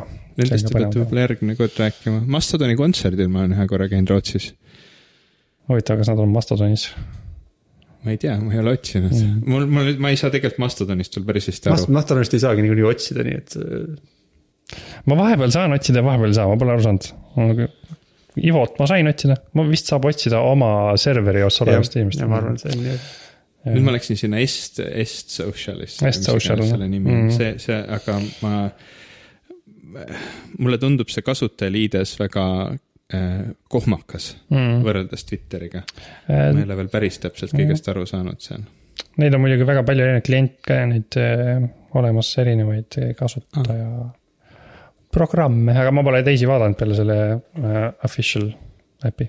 hmm.. ma olen ainult äh, veebilehitsejas kasutanud seda, nii et ma ei ole ka isegi, isegi nii kaugele veel vaadanud. aga aitäh külla kutsumast, väga tore oli. palun, tänan kohvi eest ka, see oli jah, huvitav. soovitate siis jah? Ei laida, tellida nagu otseselt võib-olla, kui sa ei ole CGP Grey nagu superfänn, ma ei, nagu sa teda toetada tahad siis. Jah. Se- selle kohviga üks asi muidugi on, see on see subscription, mis mind huvitab. Eestis ükski, ükski kohviröstja ei paku subscription'it miskipärast, et lihtsalt nad saadaks iga mingi kuu aja tagant. et sellega saaks seda teha, aga ma pole vaadanud, kuidas selle hinnaga oleks, aga jah. see maitses okeilt. see on mõnes, see on päris hea merch, ma ütleks, et ausalt öeldes. Merch ei pea ostma mm -hmm. mingit kohvitassi või Särki. T-särki, jah mm.. osta mingi, midagi, mida sa päriselt ära kasutad. kas Ei saa aru merch oleks ka kohvi? või mis oleks Ei saa aru merch? ma ei teagi jah. Äh, see oleks, võib-olla saab äh, meie albumite feed'is kuidagi. saab teie lugusid kuulata. ma tahan, mulle isegi kui merch oleks mingi nagu mõnus asi, ma ei tea, kas. meil ei ole sihuke, meil ei ole mingit ägedat logot, millest teha võtmehoidjat ka või midagi, aga muidu võiks olla mingi sihuke ilus. võtmehoidjate subscription mingisugune, kus, need lähevad ka katki kogu aeg. hästi nõrgad võtmehoidjad lähevad katki kogu aeg. ja ma usun, et me olime selles suhtes edukad, et me saime kõik teemad, mis olid huvitavad ja mitte huvitavad, me rääkisime natukene kosmosest, seksist, suhetest, midagi plahvatas, see plahvatus oli hea, hea touch jah. me saime küll jah, oma lemmikteemad nagu räägitud kõike oli natukene. mm. -hmm. ja need teemad isegi huvitasid sind. mind huvitab kõik. jah, jälgige meid siis Mastodonis. kas teil on oma Mastodoni kasutaja? meil er, nagu podcast'il ei ole, aga meil Siim, Siimul on ja Si- Ivo tuli hiljuti Mastodoni, ma nägin. hakkas follow ma mind aga ma ei ole veel midagi postitanud. mm.. aga siis järgmise korrani, järgmine kord siis virtuaalselt tõenäoliselt, kui, või järgmine aasta või mm. -hmm. eks, no järgmine aasta nii ehk, aga see võiks ka olla üks lubadus, et teeme mõned osad, podcast'i osad. jah, jah, ma ei tea, ma isegi ei tea, miks me lõpetasime selle või miks me ei teinud enam, suur, ma ei tea, mul oli, ma omalt nii perspektiivil mulle tundus, et sul oli natuke kiire uue lapsega ja niimoodi. võib-olla see oli üks asi, aga lihtsalt võib-olla. Ma arvan, et see oli üks ja sest asi, et sina vedasid seda, ütleme ausalt, sa olid mm. -hmm. rohkem, kes ütles, et teeme nüüd, varsti on aeg käes. jah, ja mingi hetk, kui mul on palju tööd, siis mul oli tükk aega, noh praegu, praegu ei maksaks teha, et. Äh, see on ikka, kõik tunduvad vabandused selles suhtes, et äh, aastal kaks tuhat kaks Jim sai uue lapse, mina lahutasin aasta, eelmise aasta lõpus abielu, me mõlemad kolisime, mina Tallinna, tema Londonist või tähendab siis mitte Londonist, aga äh, issand, mis see koha nimi oli, Brighton, Brightonist Tallinna ja me tegime üksteist osa. et ei ole, ei ole vabandusi. okei, saan ikka, alati saan pisendada teiste muresid. see ei ole lihtsalt kena. vabandust. ütleme nii, et on, oleks olnud võimalik kindlasti teha, selles ei ole mingit küsimust. Jah, kindlasti ei olnud see võimatu. aga lihtsalt, et see näitab, et meil ei olnud nii palju motivatsiooni selles. aga, aga see-eest me tegime põhimõtteliselt kaks osa ühe nädala jooksul järjest. Ühe nädala, mis see oli vist seitsme päeva jooksul kaks osa. siis mul oli küll sihuke tunne, et oo jee, teeme järgmine nädal ka. ma lihtsalt tahan tihedamini kuulata, te peate rohkem aa, okei, no kui Ivo tahab, siis jah, meil pole ammu keegi öelnud, et tahab kuulata, Merilin enam ei viitsi kirjutada, ta tahab kuulata. aga kui Ivo ütleb, siis me võime teha vähemalt, teeme ühe osa Ivole järgmine aasta, jah, jaanuarikuus. jah. okei kas see on teie uus aasta lubadus? okay., jah, üks osa Ivole jaanuarikuus siis vaatame selle pealt. ilma huvitavatel teemadel, aga õnneks te ütlete, et huvitavad kõik teemad. mm. -hmm. jah, ma tahan, küsin sult järgmine kord äh, džässi akordide kohta, see ma tahan meeles pidada, see peab juba panema. iga loo tuleb lõpetada džässi akordiga Mm -hmm. see on see oluline. paneme siia lõppu ka mingi džässi akordi.